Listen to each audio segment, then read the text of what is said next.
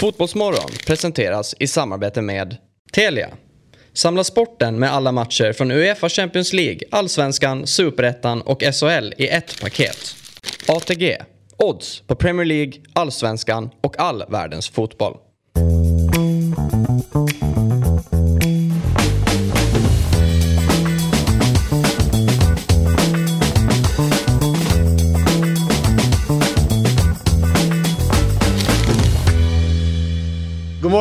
Och välkomna ska ni vara till Fotbollsmorgon här på Dobb. Vi tänkte vakna upp tillsammans med er och... Eh, bra Jesper. Ja. Du satt och försökte få den att smyga fram den. Nej då, jag ville Jo. tycka till lite. Jaha, det var det du gjorde? Nej, absolut. Rivstart.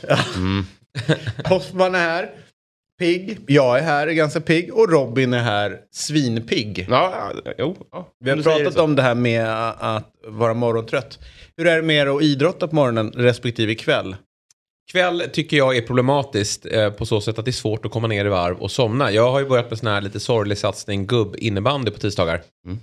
De drar igång ikväll faktiskt så kör vi. Med eller utan målvakt? Eh, Utan, tre mot tre, eh, liten plan, eh, eh, sarg, ja, det är svinkul faktiskt. Eh, och eh, det blir ett jäkla tempo. Nu idag då, det är första efter uppehållet. Eh, och det kommer ju vara blodsmak och, och spyor i hörnen. Men efter ett sånt pass, eh, det spelar ingen roll vilken tid på säsongen det är, så har man ju väldigt svårt att komma ner i varv. Mm, Och då har jag svårt att sova, och det är jobbigt. Jag spelade i svenska innebandyligan en gång i tiden. Oj. Alltså SIL heter det. Eh, det. Det är tre mot tre. Ja. Eh, med stort mål, Mm. målvakt. Eh, och man får tacklas och lyfta klubba. Alltså det är ett så här lite ja, men mer- det är så kör vi, vi har inga regler. Nej, det var ju roligt ända tills eh, hockeyspelarna kom på att efter karriären kan de spela innebandy. Ja. Noll koll på liksom så här, ja man får tacklas, Mm. men här är en liten sarg, stökig höjd Mm. och där är en vägg. Och du vet, första gången man sitter med huvudet rakt in i väggen, blir man så här, så står någon så här hockeyspelare så här.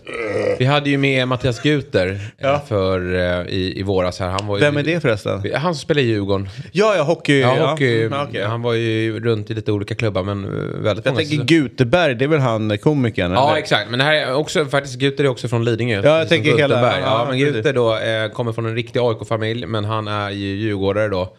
Eller spelade i Djurgården i alla fall. Eh, och var ju väldigt bra i, Mm. i Djurgården. Gjorde ju mycket mål och sådär och var runt på vischan och spelade för några klubbar också. De flesta spelar hockey är runt på vischan. Ja, det var ju så. Och så fick ju väldigt många hjärnskakningar. Men han var ju med. Det var ju fascinerande. Vi har ju ändå många som har spelat bandy och några som har spelat hockey och sådär. Men ja, hur han trycker ut arslet hela tiden. Det Ja, gick ju inte att komma åt honom. Nej, hockeyarslet. Du, ja. ska berätta en roligt med, vi ska snart sluta prata innebandy, men eh, eh, det, det finns folk som vill hissa, eh, alltså, hi- hissa min klubba i olika innebandytak. Eh, Gör man det? Nej. nej, det är För att du ska sluta spela bara. Ja, exakt. Lägg av nu. Fixar vi upp den här i någon rib, ribbstol här. Det är för att jag gör så mycket mål. Ja. Ja. Eh, så att, eh, jag, jag tänker, jag är med er någon tisdag. Ja, jag tror inte du håller måttet faktiskt. Men vi, vi kan prova. Skojar du med Vad mig? heter, vad, vad- vad heter de här? ehm, Chins. Nej men de här man hänger i. Häng, det, det Romerska ringar. Ja, romerska ringar. Ja. Kul att man hänger ut klubban där långsamt. Så får man klättra upp nästa gång och försöka ta ner den. Det vore en hyllning. Ja, verkligen. Du, eh, vad, vad kul att ni kunde förenas i, i, i någon form av... Eh, göra det roliga på min bekostnad Ja, där. man får greppa efter halmstrån ja, exakt. Du är ju den äldre farbrorn här och då får man ju ta lite, Mm. lite skit. Idag klockan åtta ungefär eh, så får vi... Eh, mm, eh, Ekim kommer hit. Ja, Mm. Eh, Chaglar. Som ska prata lite grann om turkisk fotboll och fotbollens eh, liksom, eh, plats i samhället. Skrivit många bö- böcker om det. Eh, runt 8.45 ungefär så kommer Miguel, eller Myggan, eh, kommer hit. Ska berätta för oss hur man ska eh, tippa. Hur gick det igår för Myggan egentligen? Nej, men Eller det var ju vårt spel. Ja. Det var irriterande. Man, Det var vi sa ju att man behövde tre av fyra Ja, rätt. ja. Vi hade två av fyra. Ja. Juventus eh, gjorde inte jobbet och Liverpool var ju bedrövliga. Mm. Det vet jag inte om jag tycker de var. Men, jo, eh, det tycker jag. Sett till förväntningar på, Jo, på jag skojar med det. Ja. Men Det var ju... Vi kunde haft en död liga här om Liverpool hade stuckit iväg och City stuckit iväg. Tvålagsrace. Ja. Arsenal, Arsenal City. Ja, exakt. Om City nu gör det som tappar poäng också mot Exakt. liksom, Nej, men det, oj kul Newcastle. det Premier League blir i år. All right, det var ju matcher igår. Eh, är det någonting du vill tillägga Robin innan vi går in på matcherna? Du har ju alltid någonting så här som du funderar på. Nej, jag vet inte vad det ska... eh, Nej, jag, jag, jag spelade i, i, i Sveriges näst sämsta innebandylag. eh, Så att, eh, jag har också bidragit till den sporten. Mm. V- Vad, het, vad hette ni? Vi, vi hette Stäket. Stäket. Ja. Stäket är ju annars, för er som inte har varit där, väldigt vackert. Eh, det är ju, eh, man, runt Stäket så, så tar du över Sveriges viktigaste vattendrag och sjö. Kanske mäktigaste, Mälaren. Mm. Så att eh, Stäket eh, är fina grejer. Ja, Mälaren ännu finare. ja, verkligen. Eh, all right. Manchester United 2, Liverpool 1. Det här var ju en match som man på något sätt på förhand kände att Liverpool har allt att förlora och United har ingenting att förlora på det hela egentligen. Sett till ingångsvärdet på den här matchen. Eh, ja men fan, de har torskat på 4-0. Jo, de har katastrofal Nej, men tänk start. att Eh, stå det är på liksom... noll poäng efter tre, det är liksom... Det är fortsatt jäkligt tufft att förlora den matchen. Ja, fast, jag tror att det skulle kunna storma mer än Nej, efter, det kan- det håller jag med om. de innan. Så att, så att någonstans gick väl de in med en...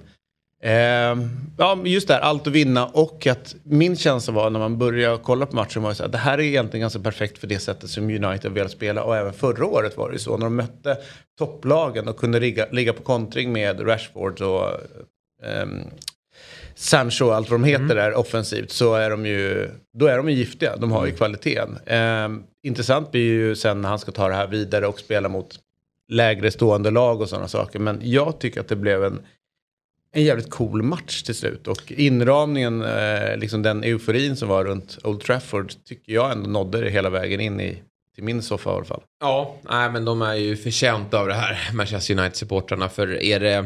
Ja, men nu fick man ju två väldigt jobbiga matcher här i början med, med liksom... Eh, pricken över i där eh, mot Brentford senast. Och eh, de, är det någon match man vill vända den här trenden, nu får vi se om de vänder någon trend som du säger, mot topplag. Det är den här typen av match, också ett topplag som har det ganska jobbigt i form av Liverpool. Så, så kan man ju spela en viss typ av fotboll och, och få med sig resultat för att sen då i nästa match möta ett lägre stående Southampton till exempel och, och bli straffade. Men jag tycker ändå att det, det var inte bara omställningsspel heller utan jag tycker även att det var ett väl fungerande pressspel så länge man orkade. Och det var en härlig intensitet i början av matchen. Det var ju full fart och häftigt tycker jag ändå, eh, ändå att Ten Hag, eller Ten Hag som de säger numera, jag kör Ten Hag i, i Viaplay, hur eh, han fick med sig spelarna att jobba så här hårt. För det är liksom, nu har de ju fått den här brutalt jobbiga starten och det är som allt möjligt läcker ut märkliga rykten. Han vågar bänka eh, Ronaldo och han får med sig alla på, på tåget att nu ska vi jaga skiten ur Liverpool. Och det gör de ju faktiskt. Och ett Liverpool som, ja men de ser ju inte bra ut. Det, det är ju verkligen så att eh, ibland kan man säga så här i inledningen av en säsong, ja men de kommer igång och det, det de har lite oflax och, och det här är ett lag som kommer att, att eh, mullra igång. Jag är inte så säker på att de kommer mullra igång så som det ser ut. Och med tanke på eh, pandemisäsongen färskt i minne här då, eh, säsongen 2021, när de, alltså året efter att de eh, vann titeln. Så var de ju, eh, ja de, de lyckades ju lösa en Champions League-plats i sista nicken, men de var ju väldigt illa ute den säsongen. Det var väl typ fem raka på Anfield där de inte gjorde mål eller vad det var. Och då såg de ju precis så som de ser ut idag. Och när Liverpool inte funkar, eh, oftast kan det vara så här att man har ändå, ja men nu, vi, vi läcker lite bakåt, men man har en individuell stjärna som tar tag i det. Men när Liverpool inte funkar, då ser alla elva spelare väldigt dåliga ut. Och så tycker jag det ser ut just nu. Då var det lättare att se ljusningar också, för då var det ju skadorna som man härledde det till. Att det var, alltså man plockar in de här mittbackarna från gatan som vi pratade om. Ja. Nu är det så här, att, hur, alltså hur ska man angripa det här? Det känns mycket mer, det känns svårare att skylla på någonting. Men jag tycker någonstans är det här, eh, jag håller med dig helt och hållet Robin, att eh, det, det är liksom, man kan inte hitta liksom en, en direkt orsak. Nej. Förutom tycker jag ändå att, eh, jag tror att, att Mané lämnar är ett större problem och ett större hål än vad folk kanske tror. Och Mm. jag, eh, ja, skjut mig om jag har helt fel, men någonstans har det varit bättre om Salah hade lämnat Ja. än Mané. Mm. Mané tror jag liksom ger mer till Liverpool. Så att liksom det hålet att fylla blir svårare än vad folk tror. Sen var det så här, okej Luis Diaz, ja vad bra han är, kommer liksom hoppa in och göra det med en gång. Nej, så enkelt är det liksom inte. Poängen är inte där på samma sätt. Nej. Ehm, sen är det såklart att utvisningen och, och liksom, visst är det utvisning och avstängningar med skallen där som gör att liksom, Ja. de, har, de har ju inte sin nia som de Nej. hade tänkt att gå in i säsongen i. Men jag tycker inte där riktigt var problemet heller. Det var inte liksom den sista eh, tredjedelen inne i boxen som var Liverpools problem. Utan det är ju längre bak. Mm. Alltså eh, van Dijk, ja, alla de åren när man har pratat och hyllat honom, det tycker jag han ska ha. Men jag tror nog att man måste börja lyfta liksom ett större, inte ett fullt ut frågetecken, men liksom någon, alltså, man måste börja spekulera liksom, hur, hur är hans form? Mm. Eh, jag tycker jag var extremt passiv redan när, vid första målet och bara står där helt stilla liksom. Sen är det klart att eh, för en Liverpool-fanbase så ser liksom James Milner stå och liksom bli galen på Van Dijk Mm. på det sättet på bortaplan och alltihopa så tror jag liksom att känslan efteråt blir lite jobbigare. Men om man kollar på det här laget så är det snarare tvärtom. Det Klopp har gjort under rätt många år.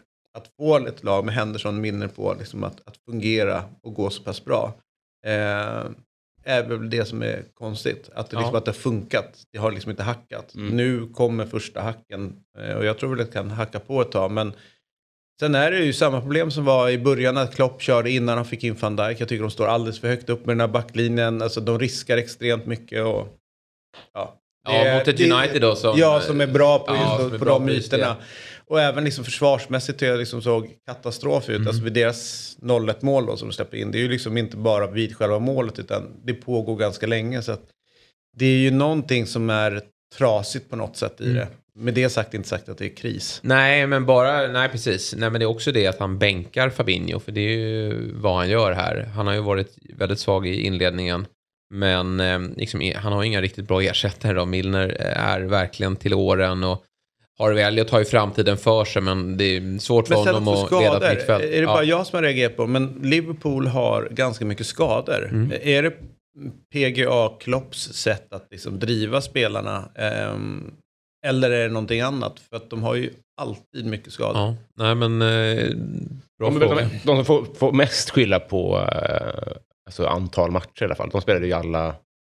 Ja, de spelar, fjol. ja, precis. Men- de, de spelar flest matcher i Europa Ja. tror jag, förra året. Så Mm. det är klart att de, de spelar många matcher. Men det är ju ehm, och, och, och ganska ofta på ganska viktiga spelare känner jag liksom, som, Mm. är, som är borta. Men nu är Thiago borta ett tag. Så det är ju klart att vi- vissa typer av skador går inte att göra i år. Men jag tycker att det är en ganska lång skadelista. Mm, nej men så är det och nu har ju pratats om att de behöver ta in en mittfältare men de, eh, ledningen har sagt nej men nu, nu tror jag ändå att de kommer att agera här för så där, det mittfältet man ställer upp igår så svag som bänken ser ut Ja. så går det inte att ha det om man ska ha ambition att eh, konkurrera om en, en ligatitel och gå långt i, i Men det är Europa. inte färre fronter i år. Plus VM. Så det kommer ju inte Nej, vara... nej. Eh, och, och sen eh, Salah som sagt ute på kanten där. Han ser ju likblek ut och har ju sett likblek ut under en väldigt lång tid nu. Det måste ju sägas. Han var ju direkt svag här i, i, i våras när han kom tillbaka från afrikanska mästerskapen. Det är klart att han blixtrar till och dunkar in några straffar här och där. Men eh, det är ju mil ifrån den Salah vi såg vid den här tidpunkten i fjol. Eh, så att, och, och han hade nog väldigt mycket hjälp av att man är eh, ryckte isär och, och var ett, liksom, Diaz jobbar ju hårt också men inte lika stort hot framåt. Även om inte Mané, Mané kunde ju också gå i perioder där han inte gjorde poäng. Men han var ju hela tiden där och nosade och vilket gav ju Salah större ytor. Sen hade vi Diogo Jota som var en, en, en, har ju varit en väldigt bra värvning. Han är också skadad och han är ju nyttig för, jag tycker inte det går att känna igen Bobby Firmino. Nej, nej. Han blir ju bara kallare och kallare eh, ur, ett offensivt, eh, ur en offensiv synvinkel. Han, han jobbar ju hårt men, men är ju nästan, går ju nästan att släppa markeringen på han är så kall i, i boxen. Och när vi pratade lite grann igår eh, så känner jag också när man ser där framme att eh, tidigare så hade ju antingen Mané, Salah eller Firmino hade ju någon form av näsa och liksom trycka in, alltså Ja. vara på rätt plats. Som vi, vi satt igår på Eurotalk och pratade om Lewandowski, att som han kan nosa upp Ja. mål som inte är, alltså en assist är inte en assist när man spelar med Mm. någon vanlig forward, utan då är det en förlupen boll. Mm. Men han nosar upp det och Mm. där känner jag liksom att där, så som Liverpool spelade igår så fanns det ingen som jag kände, här får de ett lätt mål ifrån. Nej, här är någon som kommer peta in den. Sen är det klart att Salah kan man ju argumentera för att det är ett goalgetter-mål på något sätt att bara dyka upp. Men Mm. från honom så kräver man ju mer. Absolut. Nej, men Eh, han ska ju givet vara, det han har gjort Ja, innan. han ska ju vara mer liksom, han ska ju vara bättre ute i spelet också. Liksom en, en, eh, en referenspunkt som de hela tiden kan vila boll på och eh, driva på anfall ifrån. Så att eh, nej, de har eh, stora problem och det blir väldigt intressant att se hur de tacklar den här lilla minikrisen. För det får man ändå säga att det är två poäng på, på tre matcher. När, när flera andra lag, ja, men jag tänker främst då på Arsenal, eh, ser så bra ut och City vet vi är också eh, väldigt bra. Men vi får väl också hylla hemmalaget då som sagt. Och det var ju väldigt synd att Elanga fick kliva av i paus. Mm. Jag tycker att han var bra Mm. i, i första halvlek. Jag tycker inte riktigt att han har... eh, Man, man, man har ju svensk ögonen på sig hela tiden. Eh, Och de afrikanska. Ja, ja. Du, du har det också. Lite extra. Ja, eh, nej, men eh, man, man tycker så här, men han, han eh, var kul med en svensk United, men det var ju väldigt mycket att han fick speltid på grund av att United var så eh, illa däran i fjol. Och nu har de inte fått in jättemånga värvningar den här sommaren heller. Och, och då kanske det är därför att han får starta sån här match. Men det här var första gången jag tyckte att han, han gjorde sig förtjänt av den. Eller han gjort, han gjort några bra matcher i fjol också. Men här visade han på en, i, en, i en stor match att han verkligen kan, eh, han kan färga liksom. Eh, Det var ju synd att han förmodligen då åkte på en skada. För annars hade, tror jag inte han hade blivit plockad i paus. Jävlar man vann sin duell mot Trent. Ja. Alltså, det var ju... Man märkte hur irriterad Trent blev också. Ja, men för det har de ju såklart snackat om, liksom, att Trent har sina brister i, i defensiven. Han kommer att ligga högt och, och kan du vara eh, jobbig här så kommer han att få det svettigt. Det synd att han inte gjorde mål på, den där, på det där läget han får när han drar den i, i stolpen. Är det inte så att eh, när folk har eh, attackerat Gareth Southgate för att inte plocka ut Trent eller spela Trent så är det ju kanske det vi såg igår. Det defensiva. Absolut. Alltså offensivt så är det ingen snack om saken. Nej. Där är han ju klockren. Nej, man kanske ska hitta en annan roll för honom. Jag tycker ändå att hans högerfot är så pass Ja, ja, bra. ja, ja, men alltså, Nej, jag- jag inte Nej, men Reece James är ju bättre defensivt. Det är inget snack om saken. Eh, så att, eh, absolut. Det är Jag tror, hans... jag tror det bara var Liverpool som var dåliga igår. Jag tror att United kommer att ta två till poäng innan jul. Alltså jag tror verkligen att de Ja. utnyttjade att det var, alltså de, de, de eh, utnyttjade att Liverpool hade panik. Jag tror inte att United är bra. Nej. Jag tror verkligen inte det. Nej, Nej, det är... Nej, men jag tror att det beror vi har på... sett den här typen ja, av insatser Ja, och jag tror vilka de möter tror jag. Alltså nu fanns det liksom inget krav på dem att föra matchen. Nej. Att, att spela liksom med sina egna kvaliteter och sin egen metod spela ut andra laget. Det fanns liksom ingen krav på det alls. Utan det var snarare tvärtom. Utan att Liverpool eh, gav United rätt mycket ytor som de vill ha. Eh, som, som egentligen spelade United helt i händerna. Däremot så tror jag eh, snarare att den här segern kan fungera som en katalysator för liksom, den nya tränaren och det, det de vill göra. Ehm, att liksom, de här inleder den jobbiga delen, eh, det negativa som var. Nu gör han några drastiska åtgärder. Lagkaptenen, sorry du spelar inte, du Nej. sitter på läktaren eller på bänken. Ronaldo, du sitter också där, det är liksom inget snack om saken. Nu är de här vi går på och han får resultatet. Då tror jag liksom att han vinner rätt mycket internt också. Och så Ehm, precis, Casemiro eh, på väg in Casemiro här, får på lite förstärkningar. De har ju lite andra gubbar på gång. Jag tycker mittbacksparet såg bra ut. Eh, Den här lilla Lisandro Martinez är ju fruktansvärt aggressiv och, och, och ettrig i sin spelstil. Men, men han, han gjorde det faktiskt bra bredvid Varann. Så Maguire, ja de zoomade in honom där några gånger. Och Mm. jag han, tror inte han kommer lira mycket Maguire. Däremot Nej, det beror på. Han kommer ta plats bredvid Silva va, i, i Chelsea, eller hur, hur blir det? Ja, det. Ja, alltså, men, eh, och grejen är så här, det sjuka är att jag är inte speciellt så här... Han skulle vara rätt okej, det ja, tror jag. och jag tror att han skulle kunna vara rätt okej i rätt många lag. Ja, jag håller med. Eh, Vi pratade ju om Barca förra veckan. Ja. Jag är vrål för alltså. Ja, Nej, men alltså, han, är, eh, han är en mycket bättre fotbollsspelare än vad, än vad han får cred för nu. Ja. Han, har, liksom, han har hur mycket förmåga som helst. Men det är liksom ett katastrofal relation han och han har med, med sitt nuvarande lag, där han är. Eh, när han leder landslaget, fungerat. När han var Leicester, bra. Helt okej i början i United. Och sen så nu så är det ju någonting som är helt fel. Alltså, Ja. de, för allas bästa så vore det liksom så här, bara riv och gå vidare Mm. åt varsitt håll. Eh, men jag hade inte haft något problem att få in honom. För det, i, i Chelsea Vänsterfotad i en treback också. funkar. Där i och för sig finns Koulibaly också som är Ja. vänsterfotad. Men det intressanta tycker jag är, är ju eh, backup som eventuellt skulle kunna vara liksom med eh, i den backlinjen där ändå kan behövas då det finns skaderisk Mm. och, och några är lite äldre. Så att jag har inget problem med det. Och Pulisic, jätteofta skadad, Ja. ger inte så många poäng och det finns tusen andra sådana i laget. Det Liknande pratas om en karaktär. bytesaffär Ja, emellan. så att, Det eh, blir ju aldrig det. Men hur... hur Nej, men det är klart att, eh, att Chelsea värderar Pulisic högre Ja. än Maguire. Också att en offensiv spelare är värd mer pengar än vad en, en, Ja. en Men då är det åtta eh, vad heter det, personer som ska eh, gilla den här dealen. Om, om bara Maguire ska gå, då räcker det med att det är tre. Alltså det är så himla mycket mer på spel om det ska vara en bytesaffär. Så det känns som att det är mycket en spekulation. Men jag, blev- när jag såg efter matchen intervjun med Klopp, då tänkte jag att någonting var fel. För det är weird att han, det går så här dåligt och han inte är, han ska, ju, han ska ju vara galen i det här läget. Han ska vara obehaglig. Det- Jag tror var ändå att han har rätt bra koll på läget. Alltså jag tror, Tror han, jag Ja. tror inte han känner stressen. Jag tror att han kanske ser att... eh, Ja, men så här, jag tror att han är rätt trygg i, i dels i sin egen förmåga och kanske ändå... Men så här, att torska borta, det är klart att det, ska, det känns jobbigt. Ja. Men det är ändå United och det är eh, den typ av match. Man kan ju nästan, det är ungefär som du har en lunk med seriematcher och sen så dyker ett, ett eh, Stockholmsderby. Det är ju klart att ingångsvärdet är egentligen skitsamma. Den matchen står liksom på något sätt på egna ben. Mm. Och lite grann så är det ju så när de här lagen går upp mot varandra och i synnerhet när det var allting runt som var igår, runt United och liksom det som fanns, alltså de ingångsvärdena United bar med sig.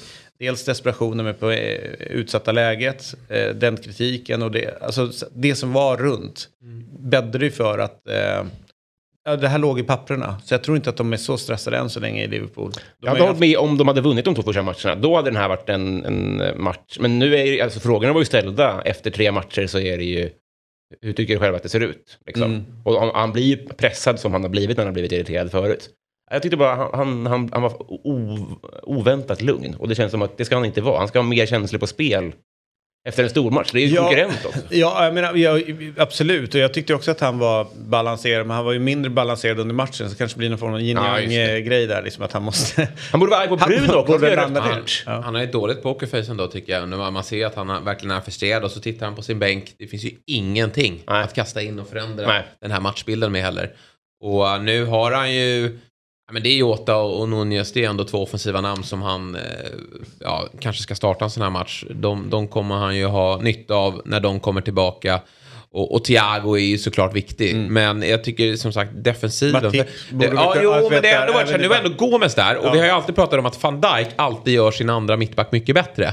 Och nu är ju problemet att van Dijk är svag. Den som man behöver göra bättre. Ja, men exakt. Han behöver bli bättre. Kanske han blir bättre av Matip och, och Konaté bredvid där. Men nej, han, han ser eh, inte bra ut. Och det har ju varit, jag tycker, Arsenals stora problem när de har varit svaga. Uniteds stora problem nu när de har varit svaga. Det är att man inte sett ett mittbackspar. Och när Liverpool då är svaga eh, i, mittlåset, när man framförallt också blottar sig så mycket bakåt, man står så högt. Då, då måste eh, defensiven eh, och framförallt mittbackarna vara bättre. Men det är, alltså jag tycker ändå så här, eh, Niva var väl inne på det i sändningen att han känner inte igen van Dijk sen korsbandsskada. Jag tycker ändå att han var bra i fjol. Det måste jag ändå säga att han studsade tillbaka efter den här hemska knäskadan.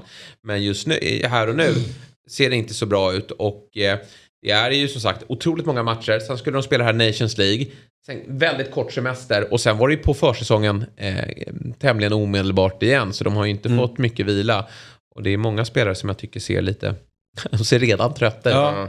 Ja, jag, det var ju någon som skrev någonstans som jag läste med just det med, träna, med spelarnas fysik. Att eh, de, de har ju kört på ganska hårt nu. Alltså eh, post första liksom, nedstängningen vid, vid pandemin. Mm. Så liksom, sen har det spelats på eh, ganska Ja. intensivt. Eh, utan att de har fått som, de här eh, ja, pauserna helt borta ifrån det. Eh, och att det liksom kommer eh, då den här säsongen än mer komprimerat för att allting ska hinnas med. Så att det är som skaderisken liksom har, ökar hela tiden för, för de som kör mycket. Så att det, antagligen kommer vi se mer det. Men sen tror inte jag att vi kanske kommer se ett Premier, eh, eh, en liga i år där vi går över 90 poäng. Utan det kommer nog vara, Newcastle tog poäng här nu av City, det, kommer, det är bättre topplag också. Alltså så här, förut var det Fler bra toppar. Fler bra topplag. Men så här, förut var det att ja, men det spelar ingen roll om Liverpool åker till, eh, till Tottenham och möter dem borta. Det, det ska vara tre poäng liksom. Nu tror jag det blir, eh, och Arsenal är där uppe. Chelsea har blandat och gett men kommer såklart att, att vara topplag också. Och, och sen har vi de här uppstickarlagen i form av Newcastle och jag tycker Wolves såg bra ut mot Spurs. Det var Mycket bra, verkligen ett jobbigt lag där. Där skulle vi nog ha en delad poäng egentligen. Och um, Crystal Palace har börjat säsongen bra. Brighton är helt fantastiska och där vet vi att de kommer gå in och äga boll mot vissa topplag. Så att det, nej, det kommer bli en, en, en tajtare eh, tabell i år just för att City, Liverpool med mardrömsstarten, City som kanske inte har den här bredden heller. Så att eh, jag, jag ser verkligen fram emot och välkomnar det. Att Det som är roligt ser lag som är bra. med, med den bredden som börjar bli i toppen, det är ju att eh, för något år sedan skulle man ju säga liksom, det här är de som tar sig vidare till Champions League, det här är de som kommer efter. Ja. men det som har hänt nu med det liksom pengainflödet till Premier League. Eh, jag tror att vi fick fram eh, informationen igår i Eurotalk att inför säsongen 23-24 eller 24-25 eh, så kommer Premier League eh, ha mer pengar än vad världens näst bästa och tredje bästa liga kommer ha tillsammans. Mm. Och det innebär ju att den här toppen vi kommer se i England kommer bli än mer mm. tydlig och än mer inflöde av liksom kvalitetsspelare mm. som antagligen kommer sitta bänk. Det kommer vara feta och fina trupper. Men det ska mycket till innan de andra länderna ska kunna konkurrera ja. med de brittiska. Mm. Eh, om de gör allting rätt. Mm. Eh, sen är det klart, sen finns det Aston Villa som håller på och gör typ allting fel med ja. de pengarna de Men har. Men de är bara tränare från att få också fart på det tycker jag. Alltså, Ja, det kanske är Gerard, men ja, det, kanske, jag har ingen aning, det vet man inte men, heller. Jag vet men deras lite, plan de, efter uh, Grealish var ju inte det här. Nej, verkligen alltså de, inte. Men, de, de även deras som... plan innan Grealish, de har ju spenderat pengar varenda fönster nu ja, sen ja. de kom upp. Ja. Och det är, det är sån misskötsel, det man ser sportsligt, det är ju så svagt. Det är svagt. Eh, och, andra, och det är spännande, det är en klubb som har bra ungdomsakademi, ja. det är Englands näst största stad, det finns kulturen, det är kanske hela ligans vackraste hemmaarena. Alltså vet, det finns mycket som är positivt runt mm. det men det sköts dåligt. Men så länge det finns klubbar som gör det så finns det en chans för de andra klubbarna i Europa att inte komma för långt efter. Mm. Men sen har du kanske den största sleeping giant eh, som jag har noterat. Det är ju ändå West Ham. Alltså vet, de har ju 80 000 pers på den här mm. arenan. De, de säljer ut det vecka ut och vecka in. De är lokerade i en världsstad och liksom har ju egentligen alla förutsättningar att bara köra på. De har gjort det bra men fått en riktigt De har gjort det bra men fått säsongen. det, menar ja. att då har de inte råd med de här varannan Nej. Eh, års, liksom, utan då måste de liksom år mm. efter år landa in på en sjätte, sjunde plats för att sen göra då, ta nästa steg. Men vad händer med Potter nu då? Det, jag, jag, är övertygad om att han lämnar, är inte en sån som lämnar mitt under en säsong. Utan han kommer nog ta Brighton i mål den här säsongen. Men eh, efter den här starten, och får vi se var de, var de landar. I fjol kom de väl nia.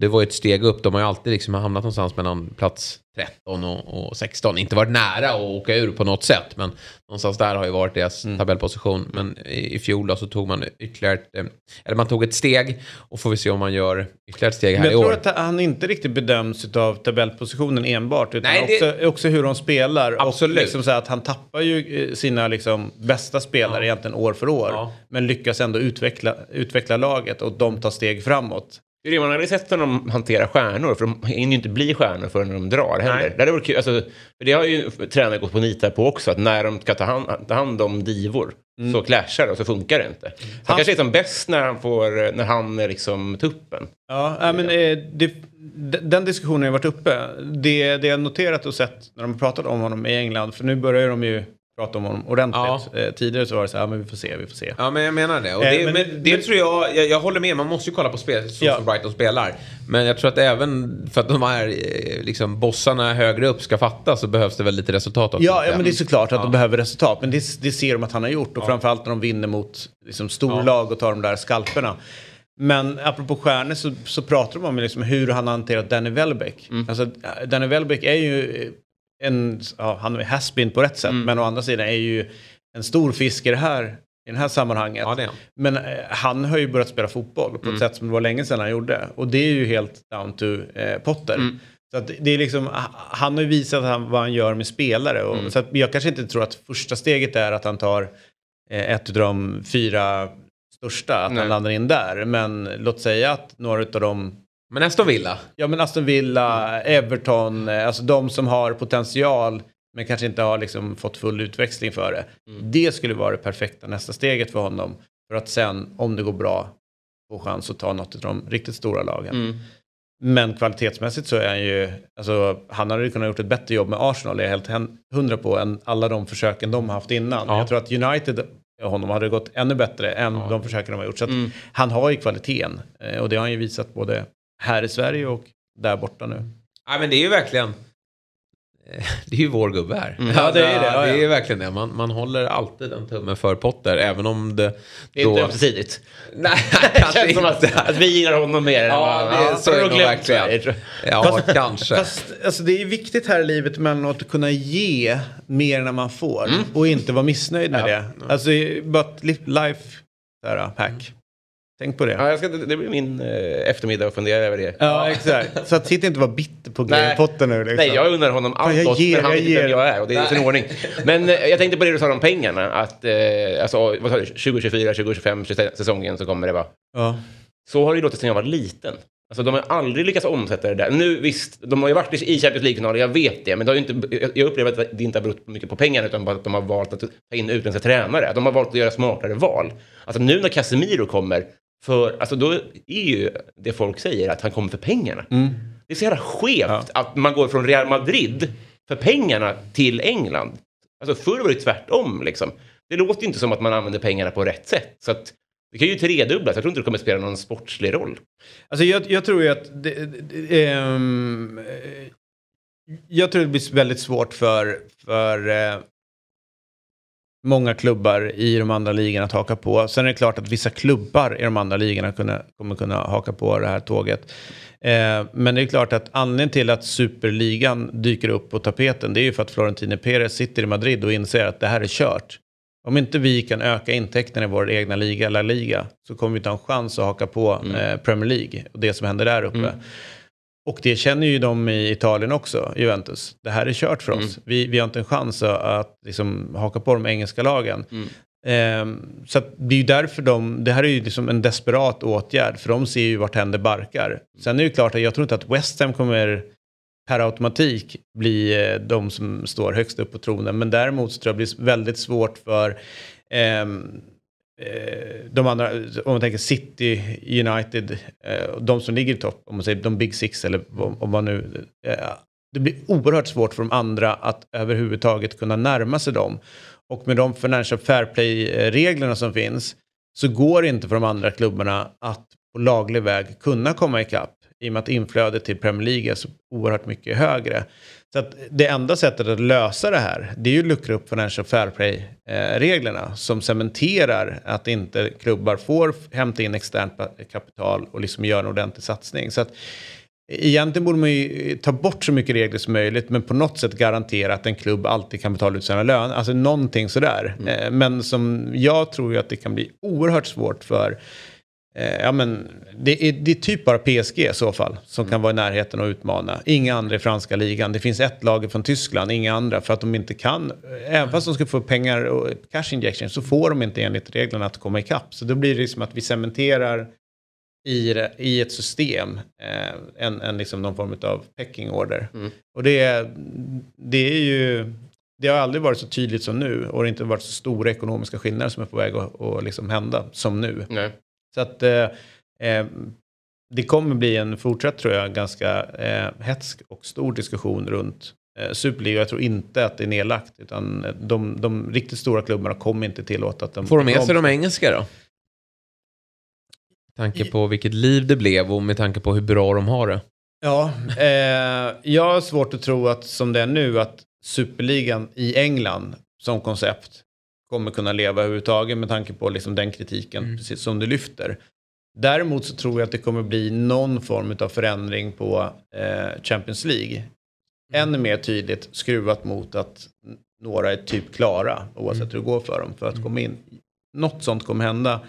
Det viktiga är ju ändå för ett land som oss, det är ju att vi ser till så att Uefa fortfarande står som utställare av de viktigaste turneringarna. Då har vi fortfarande en del utav det.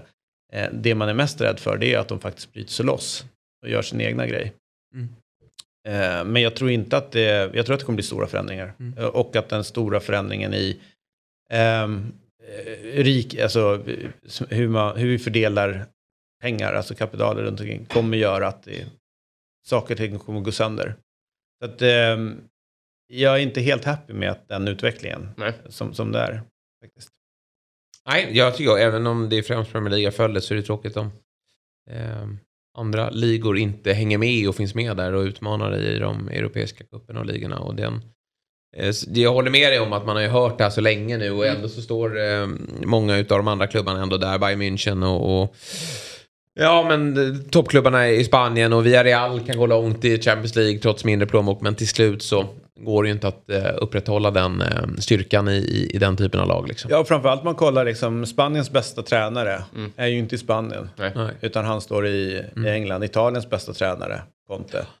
Och de blir ju, där. de Alltså, blir ju skickliga där- också på att plocka upp Ja. talanger tidigt också. För det kommer ju Spanien och Italien och alla de här länderna eh, fortsätta att vara väldigt bra på att utveckla och utbilda spelare. Men, men eh, ju, ju, ju större organisationer och ju bättre man blir på scouting så plockas ju de där upp tidigt och kan erbjuda dem den bästa miljön i Ja, England. ja, exakt. Dels det och sen så är det ju att liksom, de har ju råd att chansa på ett annat sätt. Det är ju inte avgörande. Men eh, alltså, det, det Chelsea håller på med nu som jag håller på. Men de åker runt och dammsuger liksom, ungdomar och, och betalar ett överpris. Något djävulskt. Men det är ju inget problem. Dels är de smältät ägare och så vet de att de kommer få in hur mycket pengar som helst eh, från centrala avtal. Så att liksom, det är ju helt galet. Det var ju svensk boll också igår. Vad sa du? Svensk boll. Svensk boll. Ja, men ja, ja, allsvenska. Ja. Ja, ja, ja, ja, ja, ja, ja, ja. ja. ja, Du drog inte vilken- den referensen. Vad menar han? Sverige? Sverige. Vilken såg du? Jag såg eh, Hammarby. Ja. Eh, de, ja, de vann ju med stora siffror, men jag tycker inte att de var, vilket Berisha var inne på också i, i intervjun, det var ingen klockren insats från dem. Och eller Degerfors är ju ganska roliga, det som skiljer dem från de andra bottenlagen, nu kommer Degerfors få det väldigt jobbigt, de, för de, de läcker ju och de, de får liksom ingen, de är väldigt ojämna i, i sina insatser. Men de, de har ju ändå en offensiv idé så de kan ju faktiskt trycka ner eh, flera lag under perioder av matcher. Men så får de inte utdelning där och sen så blir de alltid rejält straffade bakåt. Men det är klart att Malmö, eller Hammarby vinner fullt rättvist och ångar ju på. Nu kliver de in i ett väldigt tufft spelschema här men jag, jag eh, tror att Hammarby har väldigt goda möjligheter på att vinna det här. Till slut, men eh, 5-1 blev det. ja, jag Vad satt såg du? Kalmar, klart. Ja, Eh, det är ditt andra lag.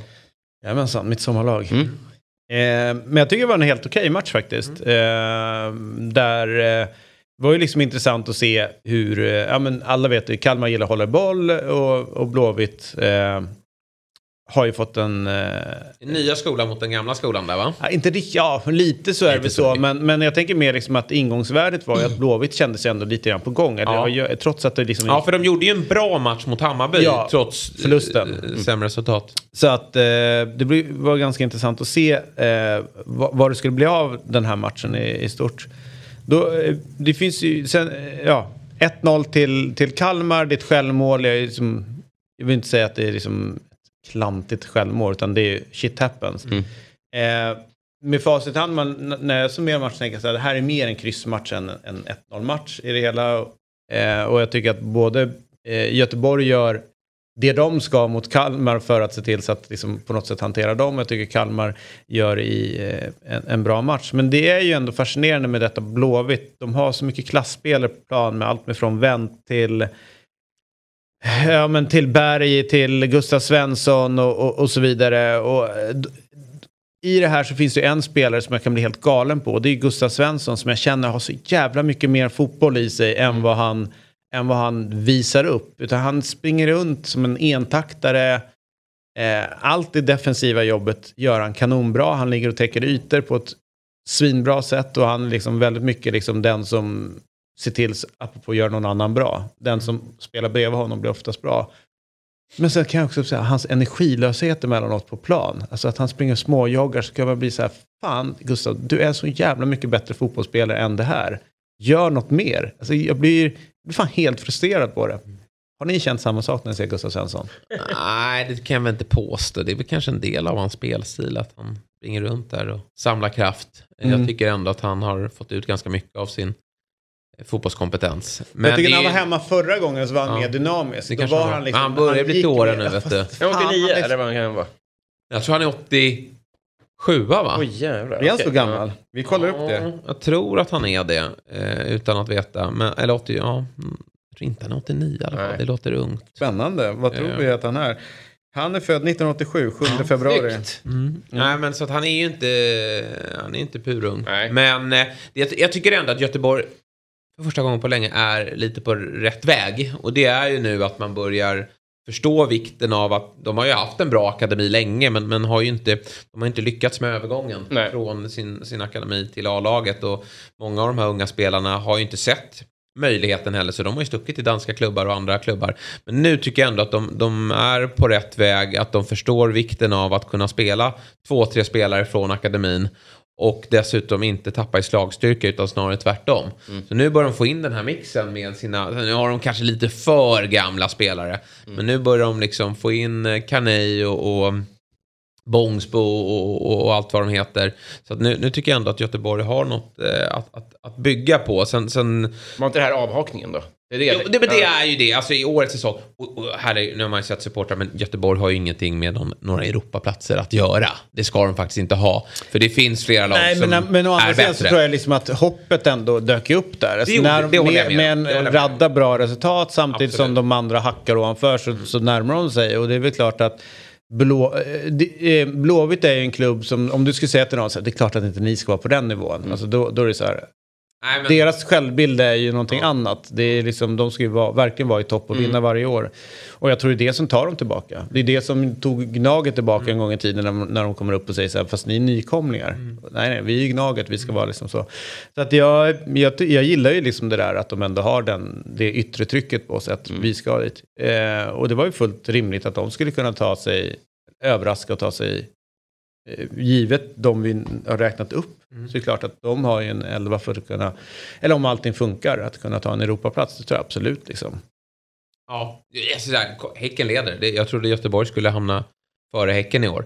Men jag tycker väl ändå att så här, när jag jämför trupper och, och kanske tränare, nu tycker jag Stare är bra. Alltså så här, ska de gå den här vägen nu med lite mix så tror jag ändå Star är en väldigt bra ledare för det. Men, men eh, nej, jag, jag, håller, jag håller nog ändå några lag före Göteborg. Men med det sagt så kan ju vissa lag underprestera och Göteborg överprestera och så är man där ändå i slutändan.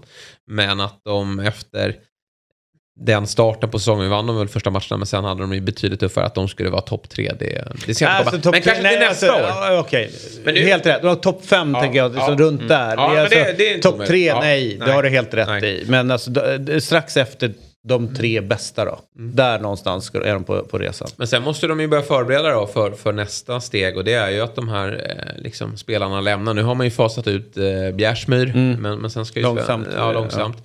Svensson och sen, vad heter det, Berg kommer väl kanske köra Wendt, max en ja, säsong. och Wendt lämna. där också sådär.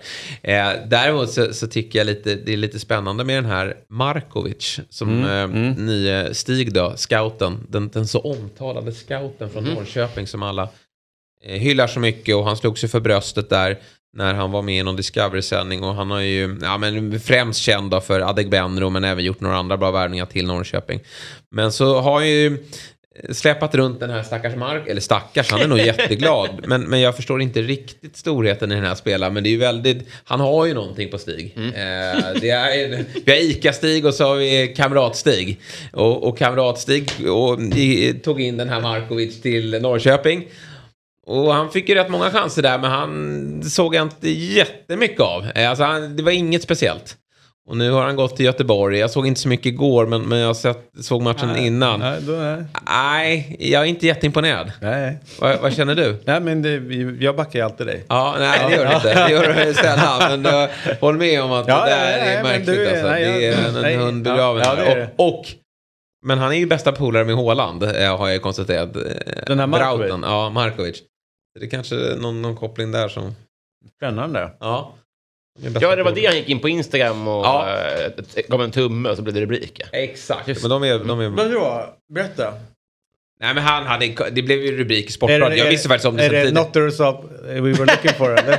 Nej, men jag, jag, det är väl... Eller var det det Haaland skrev och Markovic skrev in? I hear you.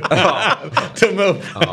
Jag såg att, att, eh, att eh, nu har in, intervjuarna börjat säga, det var inte resultatet ni ville ha, men för att komma förbi Ja, flocken. exakt. Det var jävligt smart Ja, sätt tycker verkligen. jag. Komma förbi det. När jag intervjuade en, eh, vi kan väl säga nu, eh, en som heter Frida Hansdotter som är jättesnäll och, och cool och svinduktig på att åka skidor. Bra mycket bättre än vad jag är i alla fall.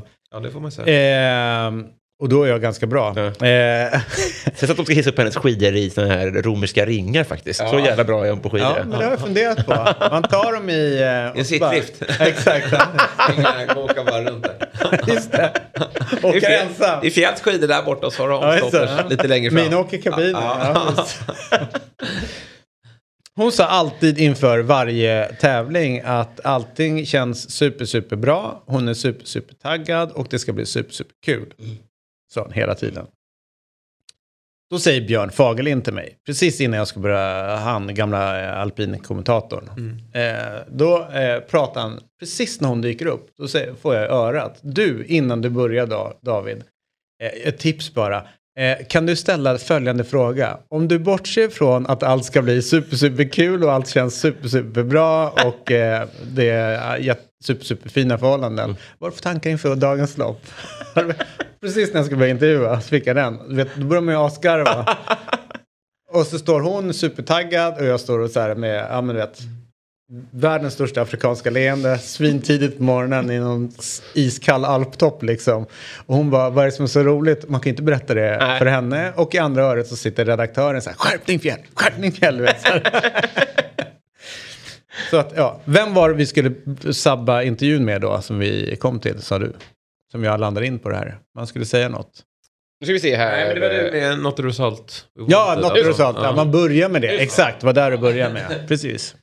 Men, ja, nej, men Markovic, märklig, märklig... Ja, du är tillbaka med Markovic där, du vill inte släppa honom. Märklig rekrytering där. Är han släkt med den här Markovic som brukar hänga ute på Solvalla eller? Oj, vet inte. Mille, nej, Mille Markovic, vad var det för Markovic någon? känns ju som ett ganska vanligt Är det som Svensson? i- Ja, jag vet inte. Lite grejer om Mille Markovic då. Det Vem var är han... Mille Markovic? Var inte det någon kriminell? Jo, det var ju han som... eh, Solvalla! Ja, men, det är, men framförallt så kungen... eh, Ja, ja, boken! Hur? Precis. Ja. Han, han får ju göra en intervju där han får eh, prata om de här... Kaffeflickorna! Ja, framförallt de här sexklubbarna. Ja, där har och, vi eh, det. och, då, och då, då han säger nej, nej, jag vet faktiskt inte det. Och det roliga är att då ljuger han ju inte. För då är det ju Mille Markovic som har photoshoppat in. Bilden har ju Mille Markovic sen erkänt. Ja, för det, men kungen var inte där. Alltså han har ju förmodligen varit på andra typer av klubbar. Nej, det kan inte på. nej, inte skulle Men den det. klubben som, som den här intervjun handlar Där om, har han Mar- där har han inte varit. För där har Mille Markovic gjort i fotohop. Inte det jätteroligt? Jo, det är jävla härligt. Att det där, alltså världens, alltså det, Ja. den klassiska lögnen som man alltid, nej, nej, Nej, jag vet nej, inte. nej, det, nej, den nej. är sanningsenlig, det tycker jag är härligt. Det känner jag inte. här bilden bara... Men så när han säger- Jag ljuger, han tror att han ljuger. han ljuger, men... Alltså, Okej, annat. Kung, Ja. kungen tror att han ljuger för han kommer inte ihåg att han har varit där. Nej, Om han har varit där. Det var ju svartvit tid, vem Ja, minns så långt Ja. tillbaka? Men stora frågan är ju då att så han står och säger nej, nej, det känner jag inte till. Och säger nu vänder vi blad. Mm. Vänder han blad och så tänker att den här, den här konstiga historien är så, det är därför han vill vända blad. För att han inte tror att det kan vara sant. Alltså jag tänker att han också, jag är ju kung, jag bestämmer agendan här. Vi ska inte prata mer om det här nu. Jag tycker Nu vänder vi blad. svinmäktig Ja. eh, presskonferens när han kommer ut där och eh, konstaterar att nu vänder vi blad. Alltså det är så jävla bra. Okej. Okej, ja, ja. jaha, vi vänder blad nu. Ja, okej. Men då åker vi hem till Stockholm Precis. igen. Ja. Ja, ja. Lycka till med jakten. Ja, exakt. Tränare borde bli bättre på att Ja, gå ut och vända blad, Ja. eller hur? Tänk dig och så här, sopa, vi har åkt på råpisk, Ja. förnedrat. Eh, Bayern kör över Gnaget på söndag med 6-0. Henok kommer in och säger det här var inte bra. Nej. Låt oss vända blad. Nu släpper vi det här. Nu släpper vi det. Borde ju nyttjas oftare av tränare, för det är ju det man behöver göra. Men hur tänker du? Vi har vänt blad nu, bara så du Ja, vet. Vi har gått precis. vidare. Ja. Vi har gått vidare. Ja. Ta det där. Släpp det där nu. Pratar ni fortfarande om det här? Ja. Det, är, det är 12 minuter Ja, exakt. Jag måste gå vidare. Ja, ja. Jag är på nästa kapitel nu. All right, vad, eh, vad härligt, vad kul. Så här, vi har eh, alldeles strax så kommer ju Ekim in och ska prata med oss. Han är statsvetare i grunden och kombinerar det med fotboll. Och, och för er som har varit och kollat på eh, Medelhavsmuseet så har de en utställning om eh, fotboll och, och, och, eh, och politik då kan man säga. Så att där har han varit med i, i den utställningen också. Där, har även, där jobbar även min kompis David Kandell, även kallad Candy. Mm. Bara så nu, så jag är ändå lite kulturell. Ja, det måste man säga. Eller hur? Jag går inte på museum, men jag har en kompis som jobbar på museum. Kan man ringa honom, vad har du för utställning? Jag har, Hur en, är den? jag har också en bekant som jobbar på museum och då är hon utklädd till viking. Är det Och sant? då kom det ett barn fram så här. Frågade så här. Hade, hade vikingar verkligen nagellack? hon bara, det är omöjligt att svara på. Ja, det är sant. Stressad så. Håll käften! Ja, exakt. Folk har inte hittat bevis på det.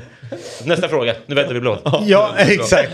Men, men för att vända blad då lite grann här. Mm. Eh, så eh, är det ju val. Eh, vi är mitt i valtider. Mm. Och eh, det är säkert eh, många av er som har uppmärksammat det här eh, sponsrade tåget, eller tunnelbanevagnen, Mm. i Stockholm. Där Sverigedemokraterna har gått in och eh, på något sätt köpt en, nu, nu raljerar jag, de har inte köpt själva vagnen, men de har ju köpt Stripen. stripen på vagnen. Och eh, eh, jag noterade också eh, på någon lokalsändning här i över Stockholmsområdet att vissa är ju så upprörda nu. Så nu ska de sluta åka kollektivtrafik. De vägrar. Vi går hellre från, eh, ja, vad fan man nu kan bo på gröna linjen, Hagsätra Mm. till city Mm. istället för att åka med det här. Eh, och det eh, har ju alla rätt i att tycka och känna Mm. och, och som man vill då. Men då börjar jag tänka fotboll när jag hörde det här.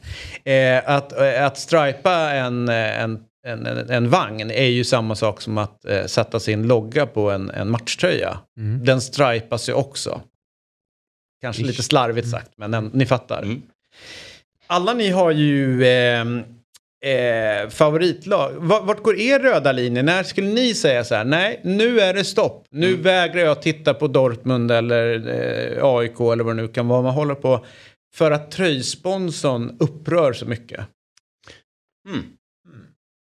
Jag trodde du menade, när börjar du gå hemifrån? När, är det när, när Bayern München har stripat bussen? Då, då knatar jag hellre. Ja. Men, ja. men jag fast... Ja, mm. Det hade man, inte- det hade man skitit i. Ja, ja. det, Ja, det, det, Det är inga konstigheter. det är inga konstigheter, det är bara att hoppa på. Ja, exakt. Eh, Men... Ah, för sig, inte alla lag.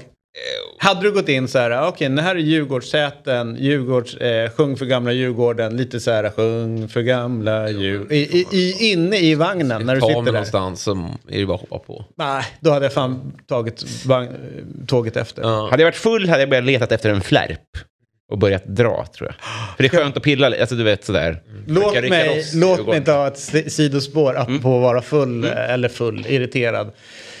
Jag var ju och jobbade med Robinson i Malaysia.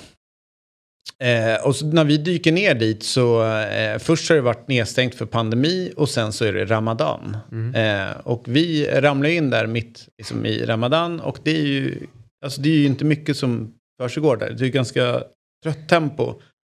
Tills kvällen kommer och då hade de så här Ramadan-marknad. Mm. Du vet så. Stort så inåt helvete. Och liksom, du kan köpa, köpa, köpa mat, kläder, rubbet. Sådär. Men då hade de ju också en jävla DJ Klabbe som står där. Eh, eller som jag kallar honom för DJ Ramadan. Mm. Som höll igång och spelade svindålig musik. Mm. Och snackade svinhögt och hade de fetaste jävla högtalarna som... Eh, och utav den konstiga anledningen då, eller konstiga inte, enligt min tur här i livet, så är det liksom att rakt in i mitt hotellrum, liksom, det känns som att han, ja, DJ Klabbe då står här Mm. och pratar precis bredvid örat. Så är det en kväll, jag hade så typ så här tre, men fick sluta tidigt så jag och en redaktör, vi åkte till någon annan eh, av grannort, bara se hur det ser ut på den här ön. Så när vi kommer tillbaka så har jag tagit typ två, tre öl och så sätter de igång den jävla DJ Klabbe. Jag blev helt jävla galen. Och jag bara, nu har jag fått nog. Här är typ, ja men, sju dagar har jag hört honom. Och då ska jag liksom dra, nu ska jag dra, dra PA. Mm. Så jag hinner liksom komma in liksom där på marknaden, plankar in eh, och sen så hittar var han sitter och sen så precis när jag är framme och ska dra där, då har man så här, hej vad håller du på med? Sådär. och sen utkastad från marknaden. så det var liksom sådär stora snacket att galningen där. vadå, DJ, du bara kallar honom för DJ Klabbe? Ja, mm. ja men fan vet du, han- jag vet inte vad han heter. Nej, förmodligen Klabbe. Vad sa du? Förmodligen Klabbe. Alla heter väl Ja, Klabbe? jag antar det. Så kan det vara. Så jag var portad därifrån. ja. Inte bara därifrån. Nej, inte bara därifrån. Nej. Nej. Men nu, nu på äldre dagar så är det väldigt få ställen jag är portad från. Och Friends här senast då? Jag, jag är välkommen tillbaka, Ja, det är det. har jag fått reda på. Ja, bra. Ja. bra. Mjölk. Eh, Ja. Om Dortmund skulle vara sponsrad av mjölk kanske. Jag tål inte det. Okay. Spännande. eh, du det? Känns lite på det personliga planet. Ja. Ja, jag, det, Jag vet det ju var en svår fråga det där. I är Gnaget till exempel att- så är det politik som Ja. är, alltså om det Ja, men det är klart att- Men, men, det, men jag, jag är är ändå svårt att se, ja, men jag är ändå svårt att se att så här, nej, Moderaterna sponsrar AIK eller eh, jag kommer inte gå på matcher nu eller Vänsterpartiet gör det eller Mm. vad det nu kan vara. Jag, jag har svårt att, och liksom, men å andra sidan hade de inte fått chansen att sponsra. Men däremot, vad säger de om, eh, ja men Saudi vill sponsra AIK? Har det varit okej? Nej, där tycker jag faktiskt att man kan eh, dra en gräns. Eh, det finns några sådana typer av... Ja, men det, det, det, det är liksom, det är Qatar också. Det är ju nästa Ja. steg är där. Eh, eller nästa steg, det är ytterligare en. Nej, det hade inte funkat eh, enligt mig. Men eh, om jag, nu tänker jag främst på, på varumärken då, i, i, som man stör sig på. Mm. Och det är svårt att komma på. Sen har vi de här fula, jag glömmer aldrig Djurgårdens kaffeknappen. eh, Den stora blaffan. Den Mm. var ju, att få in en sån som inte liksom matchar med, med tröjan i övrigt. Det, är- det är ju viktigt liksom att det, det ser Å andra ut. sidan så i och med att de gick så jävla bra under den perioden så har ju kaffeknappen blivit förknippad med något Ja, positivt. I Och med att de vann rör, liksom- vad hette de Malmö FFs? Rör, eh, rörspecialisten eller Ja. där som var när de var ute i. Men den var ju cool. alltså utav alla jävla charmigt. företag som Ja. finns i Sverige som kanske har någon form av anknytning till liksom, en internationell marknad. Så är det här rör Kenta liksom i, Mm. Ja. i Påarp. Liksom så här, Ja. fan, jag ska sponsra Malmö. Ja. Och, och kör den. Så den tyckte jag ändå var rätt cool på något sätt. Eh, men sen så är det ju, sen är det klart att det finns ju eh, vissa typer av eh, sponsorer eller loggar som på något sätt förknippar, blir en del utav eh, Ja, men jag tyckte till exempel Liverpools Candy som var under en, en tid på eh, 80-talet. Tycker jag, den satt helt perfekt. JVC tror jag som eh, Arsenal körde runt med Just under det. en viss period. Tyckte jag också liksom att den funkar. Ica på Blåvitt under rätt många år. En färg till att börja med. Det är alltid Ja. rörigt när det ska vara andra. När det blir andra färger. Ja, för ja, det, det som var bra med Ica och Blåvitt var ju att det var ju vit, ja, blåvita tröjor såklart. Ja. Men sen var det bara Ica. Alltså det stod ju liksom bara så här. Så det såg ju ut som att, att de inte förändrats så jävla mycket. Precis. AIK Carlsberg då, Liverpool. Ja, jättebra. Suverän. Trots att det är alkohol. Inget problem med det. Nej. Jag är, som du vet, lite mer förlåtande Ja, jag- jag har och inte heller problem med det, Många men- andra är i både i samhället och här på jobbet. Ja. Så Eh. tio klabbor på magen på Gnaget. Då, då hoppar du av. Då, där går gränsen. ja, exakt. Den här ansikte jäveln bara. ska ha en riktig jävla... Ja, och bara se ansiktet på honom igen. exakt. När han står så här och pratar och bara tittar runt så här. Man bara, men koncentrera dig åtminstone på det du gör. Eh, men eh, jag vet fan. Jag, jag är ju... Jag hade haft svårt för Bofors, eller vet så här krigs... Eh, Alltså vapenindustrin eh, skaver lite grann för mig. Eh, det hade ett större problem än att... Eh, ja, det är väl där någonstans jag skulle dra min röda linje. Men jag tror inte jag hade... Det, å andra sidan är det inte så illa så att jag slutar gott på matcherna. Nej, det alltså ska det är ju det. mycket till, det ska mycket Ja, till. men det blir om jag ska lite- göra det. Jag kommer ihåg när han, eh, Bert Milton, eh, var inne och var försökte kök, Mm. köpa eh, upp eh, aktier i, i AIK. Då var ju vi, ne- eh, vi var ju nere i Barcelona och gjorde ett annat jobb då. Jag och Nils Byrfors, kommer ihåg honom? MF, Absolut. Mm, eh, och sen så i alla fall så fick vi tag på Bert och gör ju då en intervju Just med det, du honom. har ju intervjuat honom. Ja, och eh, vi, vi går och käkar lunch med honom. Mhm. Eh, och eh, jag käkar ju, min kosthållning är ju lite stökig så jag käkar ju sällan. Så att jag var inte hungrig då, så jag tackade nej till att käka. Medan Nisse tackar jag till att käka och sen så kör ju Nils den här med att han vill ha sin journalistiska integritet kvar. Så att han vill ju inte att Bert ska betala Nej, för honom. Eh, och sen ska han kliva upp och pröjsa. Jag tror liksom att det är typ 2000 spänn eller lite för den här lunchen. Och vi är ju rätt unga då. Nisse. eh, Alltså det här med integriteten har ju ändå ett pris. Ja, verkligen. hur, hur slutar det? ja, att det har ett pris, Ja, integriteten. ja, Ja, ja. Så att jag är den enda som kommer undan med, med journalistisk integritet intakt efteråt. Ja, ja, det är snyggt av. Men eh, det är ju... ehm, han är ju också ändå aktuell, den här Torbjörn Törnqvist som är... är Ja, någon- fast där tycker inte jag har... Där har alltså Gunvor tänker på det Ja. bolaget. Om det är något bolag som är granskat eh, och liksom kollat från alla håll och kanter så är det Torbjörn Törnqvist. Mm. Eh, och, och, det där har jag blivit lite irriterad över. Därför att så här, guilty by association. Ja, han har gjort business i, i Ryssland under rätt Mm. många år. Det är det det. Eh, och eh, han har pluggat med folk som har haft kontakter där borta och även då inne i Kreml. Men han själv har ju blivit kollad. Hans företag har blivit kollade och han, han, han seglar vidare. Så det, jag tycker att det har blivit eh, kanske lite snedvridet den diskussionen runt honom. Det var kul att du nämnde Bofors tycker jag. För att eh, alltså, hade eh, Qatar och de här dykt upp nu hade man ju bara, det är klart att vi inte kan. Men nu har gränserna flyttat fram så mycket. Så nu så blir man ju inte förvånad om ett om ett danskt lag har Qatar Airways på magen. Nej. det är man inte alls förvånad över. Men Nej. nu, nu, har ju, nu har ju de lyckats jobba sig in så mycket i fotbollen. Liksom. Ja, ja, och den som sitter och rattar hela alltihopa, alltså den som är chefen där, han sitter ju i Fifas exekutiva kommitté. Eh, han är ju den som är med och placerar vart VM ska spelas. Han sitter och, och delar ut straff till andra klubbar som inte sköter sig. Så att eh, Fifa och Uefa, de, de vil, hela deras fundament vilar ju på pengarna därifrån. Och under ganska lång tid också på pengarna som de fick från ryska Gazprom. Så att liksom he, hela... ehm, alltså att fotbollen är ju liksom beroende av de här pengarna nu. eh, Och går runt på pengarna från rätt stökiga länder. Så att om man eh, vill vara helt fri från eh, smutsiga pengar. Då ska man ju inte ta emot några pengar överhuvudtaget som betalas ut från varken Fifa eller Uefa. Nej. Eh, Så att det är Nej, ju... då ska man inte... och, och, och, Och vi ska nog inte ens följa fotbollen då. Nej, men då ska man inte vara en del utav det. Alltså, så det. Jag tror att eh, det enda sättet att komma till rätt med det, är ju att vi som konsumerar fotbollen säger nej. Men vår, vår drivkraft och kärlek till sporten är ju tyvärr Ja. lite för stor för att eh, man ska kunna komma till rätta med rätt mycket skit som är runt omkring det. Eh, och det mesta som pekas finger mot blir mot supporterna. För det är så tydligt att det är någonting som händer. Men där man borde börja rensa är faktiskt gå något, åt något annat håll. Ja. Schäffrin till, att börja med tror jag skulle vara ganska bra om han klev av som EF-ordförande. Såklart så bör de ju rensa i hela Fifa också. Men det har ju försökt en gång och inte fan, det händer ju ingenting. Nej. Dyker upp nya skurkar. Ja. Men nu röker Gazprom. Jag upplever inte att eh, fotbollen är enbent tack vare det. Så, så bärande var inte de pengarna vad det verkar. Både Schalke och, och Uefa finns ju kvar.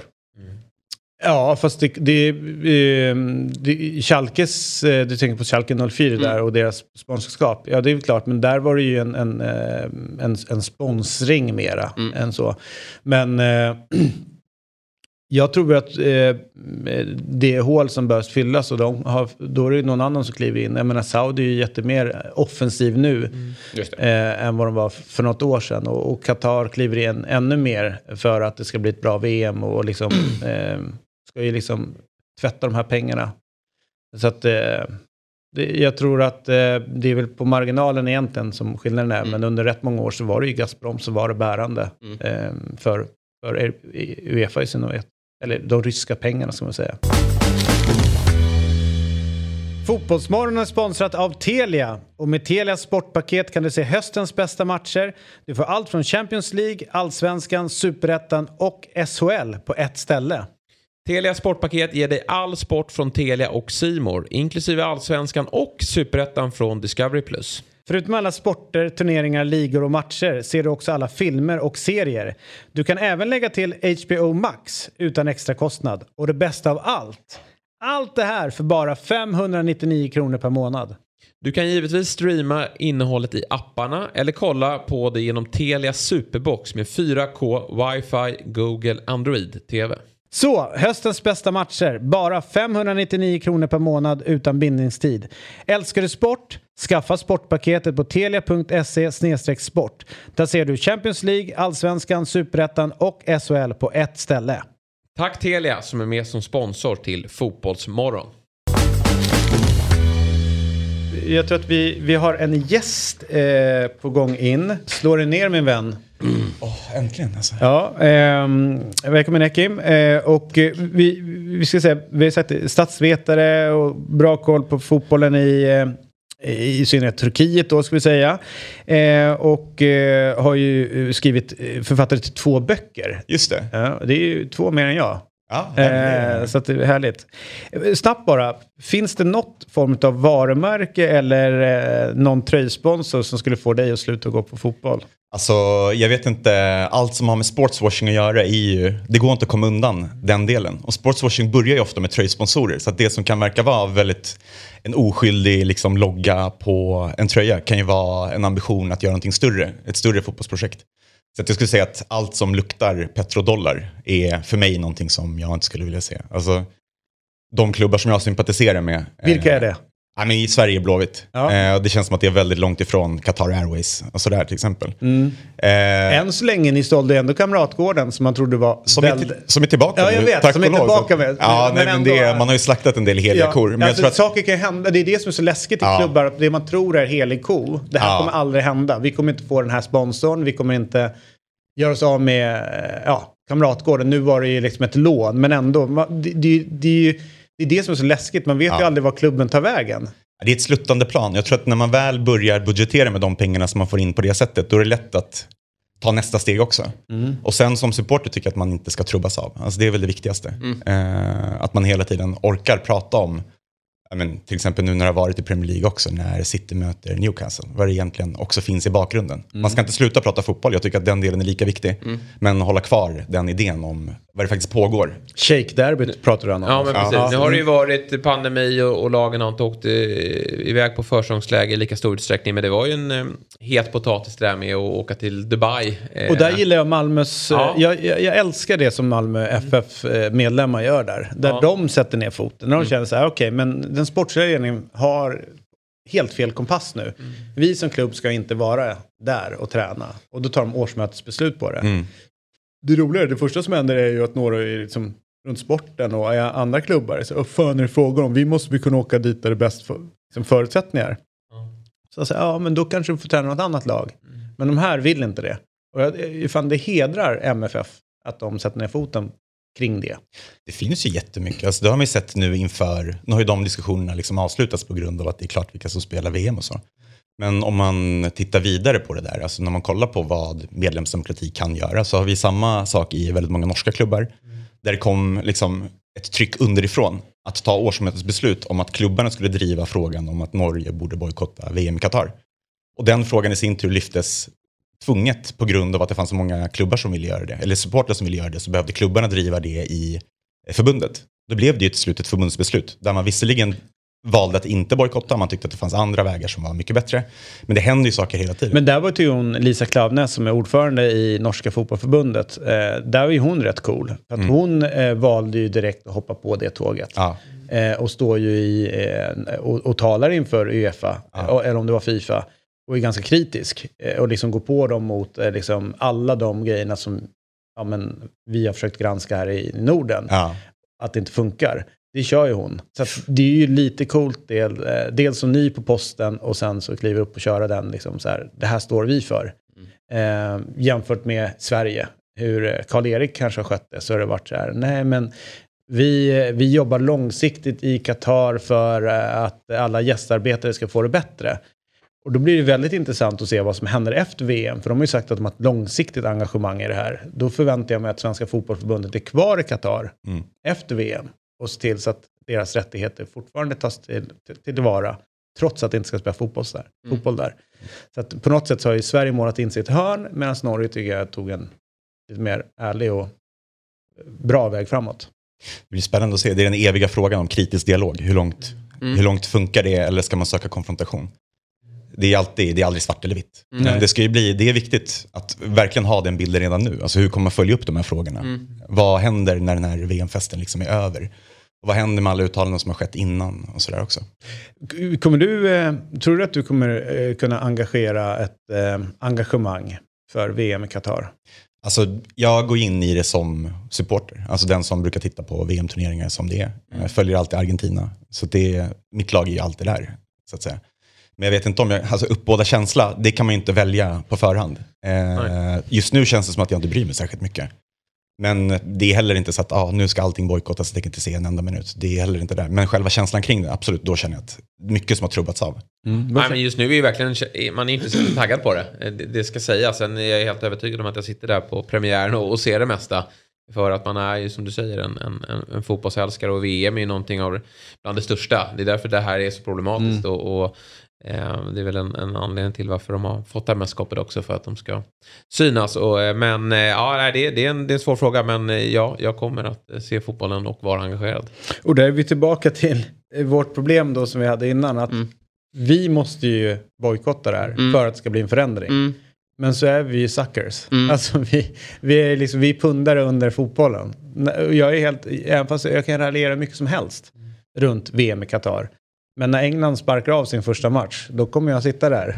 Men kan det vara tvärtom då? För jag tänker att jag, jag, jag har mycket mindre VM-pepp än alla andra VM sen jag var fyra. För att det är på vintern, Sverige är inte med och det är Qatar. Jag tror att det är de tre anledningarna som gör att det pirrar inte. Men kan inte det göra att det är mindre känslor på spel? Att det blir mindre engagemang? Att det blir min- mindre protester? Hade det varit liksom att det är ett nationellt pirr och att Sverige var topptippade, då kanske det hade varit en större motreaktion också. Nu känns det som att det är, det är typ OS-fotbollkänsla tycker jag. Ja, ja, bo- ja, exakt. Ja, men så är det. Att Sverige inte är med är väl på ett sätt bidrar. Men jag kan på ett sätt tänka att det är rätt skönt. För jag hade inte orkat, vi hade inte kunnat hantera en sån Nej, diskussion i Sverige. nej, eh, runt liksom bojkott eller åka till Qatar eller inte. Och, eh, det hade ju liksom, det hade ju... Studio 1 hade blandat sig i det här Ja. och, så, och börjat prata fotboll. Nej, men det hade inte funkat. Liksom, Ser man. Victor Lindelöf sitta där på presskonferensen. Ja, och skruva på sig lite. på sig, Ja. ducka och, Ja, och det, är ju, det är också så här, det är synd att ingen, det kommer ju inte ske, men det hade ju varit häftigt med, om en spelare hade klivit fram och sagt att jag kommer inte spela det här mästerskapet. Eh, För det hade ju verkligen gett rubriker. Men istället så finns ju den där vägen som Svenska fotbollsförbundet har, att det är bättre att ha en dialog och att man är här och påverkar och sådär. Mm. Den, man- den är så lätt att ta den, eh, om man inte är påläst eller om man bara känner sig obekväm med hela grejen liksom. Och jag håller med dig, men sen det- det blir tycker jag lite synd om spelarna. Liksom, så här. Du pratar om sen fyra år. Många av dem har liksom drömt om att spela ett, Ja, en, ett det. VM sen de var fyra år. Och så känner de så här, okej, men eh, ett, om, det, om vi var ett företag var det okej att vara här nere och göra business. Om det, jag vet, så här, politiker tycker det är okej. Det står till och med på regeringens hemsida att Du Sau- ja. Saudiarabien är en viktig handelspartner för oss och så. Men om en idrottare då drar igång ett utbyte. Ta Henrik Stensson till exempel som kliver in på eh, Live Live Tour. Tour- Live Touren där. Och får ett jävla helvete. Och så jämför det med vad, vad faktiskt svenska regeringen tycker om det här landet. Mm. Så det, är så här, men det är en viktig handelspartner. Ja. Då, då borde ju liksom så här, vi börja med att bojkotta dem själva. Och Mm. sen så kan vi dyka på honom. Men vi gör ju business som det är. Qatar samma sak. men vi då- gör Ja, ja, ja, business med det som det är. Alla Men sen så är det som- fotbollen som ska stå till svar för det. Det är vi som älskar fotboll Ja. som ska ifråga, eller som så här, äh, Det det hela liksom. Så det är det som är så jobbigt. Det är inte konsekvent, absolut Nej. inte. Eh, jag tycker att det gäller att hålla i den idén också. Alltså samtidigt som man pratar om de här frågorna, inte lägga för mycket ansvar på enskilda människor. Alltså det här är strukturella problem som finns. De här pengarna finns inom fotbollen, de finns i företagsvärlden. Uppenbarligen så är de tillräckligt viktiga för politiker också. Jag tycker att Olof Lund har drivit den frågan väldigt mycket. Att hela tiden spegla det här mot men, hur mycket investeringar har vi inte? Eller hur uttrycker man sig på ambassadernas hemsida när det gäller samarbete med Saudi eller Qatar till exempel. Så att det gäller att hålla, man måste kunna hålla två tankar ut samtidigt. Men att sitta och hata på fotbollssupportrar, det känns som att den här kommer komma, alltså för alla som kollar på fotboll. Den är också, det är att välja den enkla vägen. Som att det går att göra lätta val här i livet och leva konsekvent. Det gör man ju inte. Eh, du sa ju tidigare att eh, du eh, ha- har ganska bra koll på den turkiska fotbollen. Eh, jag har ju varit nere och kollat några gånger på fotboll i Turkiet. Och, och, och på riktigt, så här, om man vill ha en häftig fotbollsupplevelse så är det till Tur- Turkiet man ska åka och kolla. Jag var ju på gamla Al Samiyen-stadion och såg eh, Galatasaray Fenerbahce. Snyggt. Tyvärr så är det ju liksom, de spelar inte de matcherna där längre. Nej. Utan det är på Atatürk tror jag. Nej, Nej de har ju en egen- Turkcell, jag tror jag den hette va? Ja, De kallar den fastland, typ. det finns lite olika, Yeni Ali Samien, alltså det finns ju olika namn i, på, ja. jag tror att det är Turk Telekom är väl det officiella namnet. Ja, jag tror något sånt.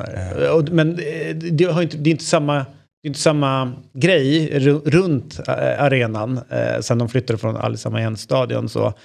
Men det är fortfarande ett häftigt, en häftig derbymatch. Ja, det är det ju. Alltså, Ja, Om du rankar, vad tror du vad den landar i, liksom i hetta i ett internationell kontext? Alltså det närmaste som man kan jämföra med. Jag tycker att Grekland och Turkiet påminner om varandra, alltså både kulturellt, maten, delvis historien, alltså geografisk närhet och så. Men fotbollen tycker jag påminner också. Lite svårt att bedöma till exempel Argentina. Det är dit tankarna lätt går när man pratar heta derbyn och så. Eh, jag tror att det finns liknande, liksom, det finns likheter och skillnader med Buenos Aires-derbyn. Men att människor bär med sig de här identiteterna, att det är väldigt, väldigt viktigt. Eh, och att det kanske är årets viktigaste matcher, nästan lika viktigt som själva, liksom, vilka som tar hem ligapokalen. Det tror jag är, det känner man väldigt mycket. Eh, mycket folk, absolut. Jämfört med tidigare så har det blivit lugnare. Det är inte samma liksom, inramning som det var tidigare. Varken när det gäller pyroteknik eller liksom, avarter som man också kan se när det gäller till exempel, men, kanske gängse bild av hur läktarslagsmål har sett ut i Turkiet eller hur det har sett ut med stöket med knivar och sådär. Varför Mycket- då? då? Nej, men det har blivit mindre helt enkelt för att egentligen så var det där en utveckling som skedde från början av 90-talet. När det var så pass allvarligt i relationen mellan klubbarna. Alltså när man attackerade människors, olika gruppers matchsamlingar och sådär. Att det höll på att spåra ur. Så det var faktiskt eh, supporterna själva som satte sig och mer eller mindre slöt fred. Eh, så efter det så var det mycket lugnare och det man har sett efteråt, det har ju varit, alltså det kändaste exemplet är väl Leeds-supportrarna 2000 som två stycken knivmördades på ett oerhört tragiskt sätt, på ett vidrigt sätt. Eh, men det är ju undantag, alltså sett, sett till hur fotbollen ser ut. Sen så var det ett sånt väldigt profilerat fall eh, 2013 också, som blev en väldigt stor nyhet. Man pratade om att men läktarvåldet har kommit tillbaka till Turkiet för att det var en supporter eh, efter en Fenerbahce Galatasaray-match eh, som hade knivdödats. Men det skedde ju långt ifrån arenan. Så att runt arenan så har det blivit mycket lugnare. Känner man sig säker när man går på en Ja, alltså, derby? Ja. det gör man. Och det är väl som allt annat. Alltså, du är säker i Turkiet om du kan vissa koder. Och detsamma gäller ju när det gäller fotboll. Alltså, man behöver inte ha på sig det värsta man kan ha om det är Galatasaray Fenerbahce, det är väl att ha Besiktas, för då får du alla på dig. ja, exakt. Men eh, alltså, sköter dig som vanligt, Ja. om du beter dig, om du inte skriker efter folk på något konstigt Nej, sätt, eller har de- lärt dig en turkisk svordom och ska liksom flasha den, ja, men då klarar du dig. Men det är väl sunt förnuft, som med väldigt mycket annat. Och att eh, de som, för jag, när jag, första gången jag var där, jag var helt chockad. Ja. Alltså det, jag skulle, matchen skulle börja på nio på kvällen. Eh, jag var nere vid tolv på dagen för att hämta Vilken match var det det var? Eh, Galatasaray Fenerbahce. För att hämta ut mina biljetter. Det var kaos där nere redan då. Alltså Vilket år var det här? mitt, 20, alltså länge, eh, Frank Ribéry spelade då. Ja, 2005 är det. Han var ju utlånad där våren. Eh, och det var kaos liksom nere, eh, liksom utanför arenan, 12 på dagen. Så, eh, och så var det så här, men ni får hänga runt här liksom, så här, Ja. för att det är lite strul med biljetterna så att vi blev kvar där runt arenan ganska länge, men sen så liksom tre på eftermiddagen, jordens slagsmål. Alltså vet här, för då har de mötts upp första gången. Och sen när Fenerbahces buss kommer, det är ju sjukaste jag varit med om. Alltså det är molotov, allt som kastas på den. Liksom. Den är ju så beklädd med så pansar, Ja, ja. den ska bara kunna åka igenom. Och du vet, jag har ju sett en bussmottagning typ, Mm. tyckte det var lite dramatiskt, alltså i Solna inför första matchen. Eller du vet, folk är lite arga, men det här var ju på en helt annan nivå. Ja. Det var sån, alltså ett hat mot Fenerbahce och spelare och ledare som var men, från en annan planet. Mm. Vad, vad, vad kommer den här rivaliteten mellan eh, Galatasaray och Fenerbahce ifrån från början? Jag tror att det delvis har att göra med att det finns väldigt mycket uppdämda känslor i ett samhälle. Alltså det går inte att uppbåda dem, det hatet om det inte finns någonting alltså som kan framkalla det hatet som man har byggt på under väldigt lång tid. Jag tror att det är ett av få områden där väldigt många människor, miljoner människor kan känna att de gör skillnad. Och när du känner att du kan göra skillnad i ett samhälle som i övrigt kanske inte ger särskilt mycket, där du inte kan få utlopp för din situation på arbetsmarknaden och tusen andra faktorer, då blir fotbollen extremt viktig. Och när du bär det som en viktig del av din identitet, då tar du ju liksom alla andra klubbsymp- klubbsympatier under till exempel en derbymatch som ett hån mot dig själv. Och det tillsammans med, man kan plocka in våldskultur, eh, att det finns, man har nära till våld på gatan. Det har varit en, liksom, det ser man i både politiken och fotbollen i andra områden också. Eh, jag tror att det är många sådana faktorer tillsammans med, som man inte får glömma, att folk älskar fotboll. Det är folkets sport i Turkiet. Det är inte basket, det är inte volleyboll. Det är fotbollen som alla kan samlas kring. Och det är undantag eh, att kunna säga att man inte håller på ett lag. Då är man konstig. Så jag tror att det är väldigt många människor ljuger om att de tycker om fotboll. För att det är, annars är det nästan inte socialt acceptabelt. Nej. Finns det någon charm i rivaliteten då? För jag tänker på här i Stockholm då, för då är det ju så här, man, man efter en derbyseger, eh, det finns ingen charm på Twitter ska sägas mellan eh, supporterna, för där är de ju helt eh, dumma i huvudet, höll jag på att säga, stundtals i, i, i sin rivalitet. Men på jobbet så är det ju, liksom man har sin Djurgårdskollega som man eh, liksom eh, går och småhånar lite och så en dialog kring matcher runt, eh, runt kaffemaskinen och så har man ändå en glimt i ögat kring rival- rivaliteten. Det, Ja. Finns det här eller är det bara hat liksom? Nej, alltså den absoluta merparten slår inte ner varandra. Så Nej, det, det är nej, klart den finns nej. alltså, i det- vardagliga möten och så. Också i familjer, det är klart man kan kivas. Eh, och det är oftast på en helt okej nivå. Ja. Så vi pratar egentligen om undantag, men när de undantagen radas upp tillräckligt ofta, då kanske man tror att det är hela bilden. Men eh, alltså, i allmänhet så är det ju ganska lugnt, Mm. skulle jag säga. Eh, på en väldigt kul nivå, med tanke på hur mycket fotboll det också pratas. Men eh, eh, eh, bara apropå våldskapital, eller ett våld eh, som finns i samhället. Det som är eh, fascinerande där, när man, för de börjar ju såklart slåss Mm. till slut där nere allihopa.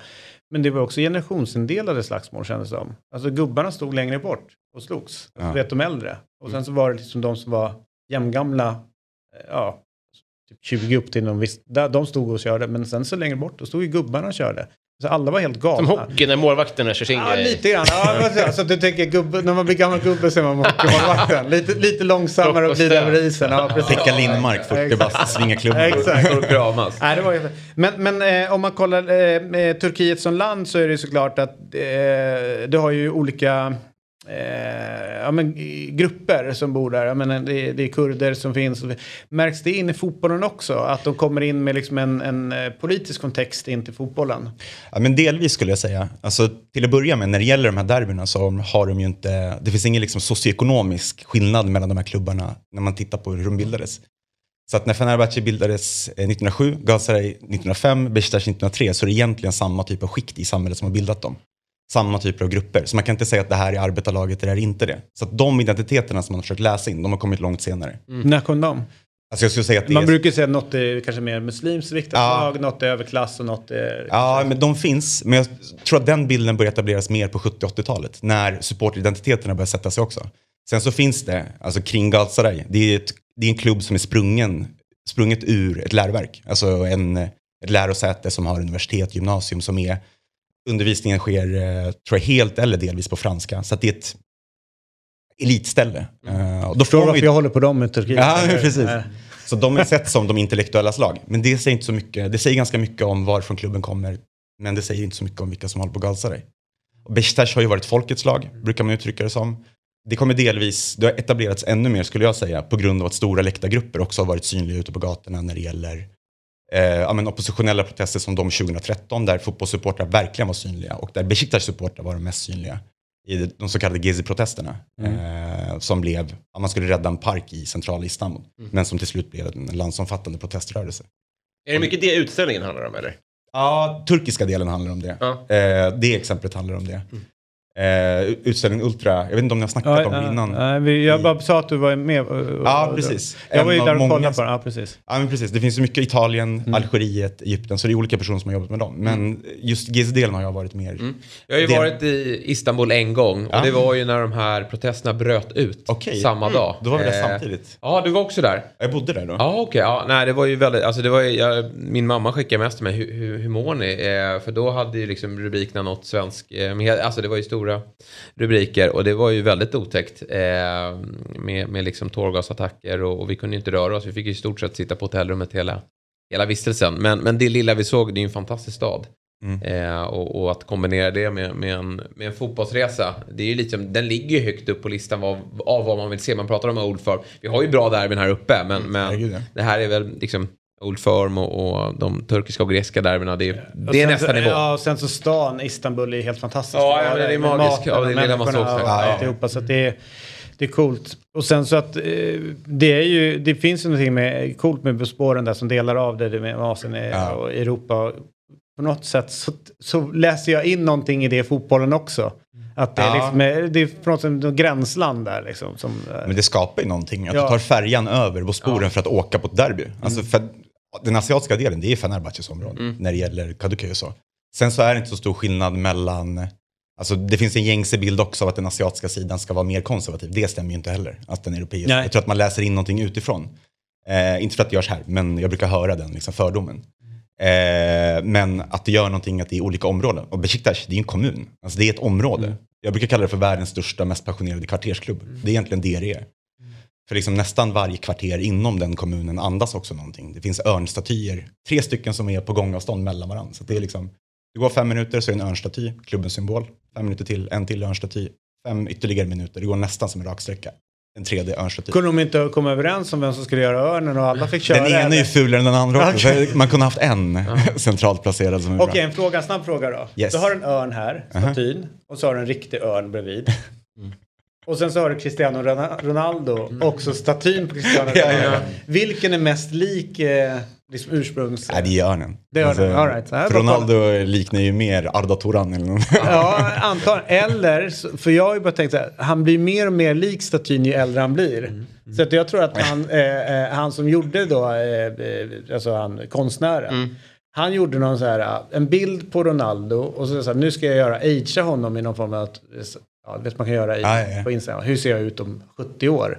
En sån gjorde han och så gör han statyn efter Ronaldo. Ett instafilter som blev liksom. Som blev den riktiga statyn. Det måste ju vara det. För, att, för han blir ju mer konstig Ja, utseendemässigt jo. också. Hur mår Ja. Arda Turan förresten? Ja. Jag vill inte tänka på det. Nej. Alltså, tänk att vara hans terapeut, man blir säkert rik, men eh, vad som händer i den skallen. Framförallt är- från Barca-flytten och framåt har ju varit... Varför vad hände? Berätta, vad hände? Nej, Blev han men galen alltså, eller? det började med, undrar om det var en skada eller om det var värvningsförbud som gjorde att han var utan fotbollen ett halvår. Sen så tog han ingen ordinarie plats för att, det var en tung lönepost också, men för att komma igång med fotbollen så vart han också utlånad till Turkiet. Försökte starta om i eh, Başakşehir, den här uppstickarklubben, gamla kommunklubben, eh, som vann ligan för tre år sedan. Erdogans lag. Erdogans lag. Där även Robinho var va? Exakt. Eh, Gael Clichy, Adebayor, Just det. alla över 30. Så. Mm. Och inga, ingen publik på läktaren typ. Nej, men det, notoriskt bottenlag när det gäller eh, snitt, publiksnitt. Vilka är bäst? Eller vilka? Alltså Fenerbahce har störst arena tror jag. De ligger nog bäst till. Sen Galatasaray, sen eh, Beşiktaş. Och Galatasaray och eh, Fenerbahce är de största klubbarna. Brukar det vara i alla mätningar. Sen så är Beşiktaş trea. Eh, och nästan störst i nästan alla städer också. Med några undantag för Bursa, Izmir, Trabzon, Adana kan jag tänka mig att de lokala klubbarna är större. Kanske har missat någon. Men annars är ju Fenerbahce Galatasaray störst i alla städer. Mm. Eh, och ja, det avspeglar sig också i Men nu vann ju Trabzonspor. Senast här va? Eh, Ligan, Trabzonspor. Ja, precis. De vann ligan. ja. Mm. Men Och, hur och Galatasaray hade ju ett katastrofår Ja. förra året och ska ju typ jättesatsa nu. Exakt. Eh, men eh, bara snabbt då, Hakan Şükür. Är han fortfarande i eh, exil eh, och, och, och liksom någonstans i USA? Ja. Bara att recappa så är Hakan Şükür typ den största fotbollshjälten i, som, eller största fotbollsspelaren som har sprungit ur, ur Turkiet. Hårt förknippad med Galatasaray, gjorde några vändor utomlands men funkar inte riktigt. Men nu hamnat på, på kollisionskurs med Erdogan. Eh, och är då liksom förpassad ut ur landet. Så det senaste någon hörde var ju typ någon var och fikade och han Ja. jobbade på ett fik i Kalifornien eller något sånt. Alltså, vet, Någonstans där. Någonstans han har så. varit Uber-chaufför. Det hörde jag. Ja, men exakt. Det är väl eh, mycket sånt.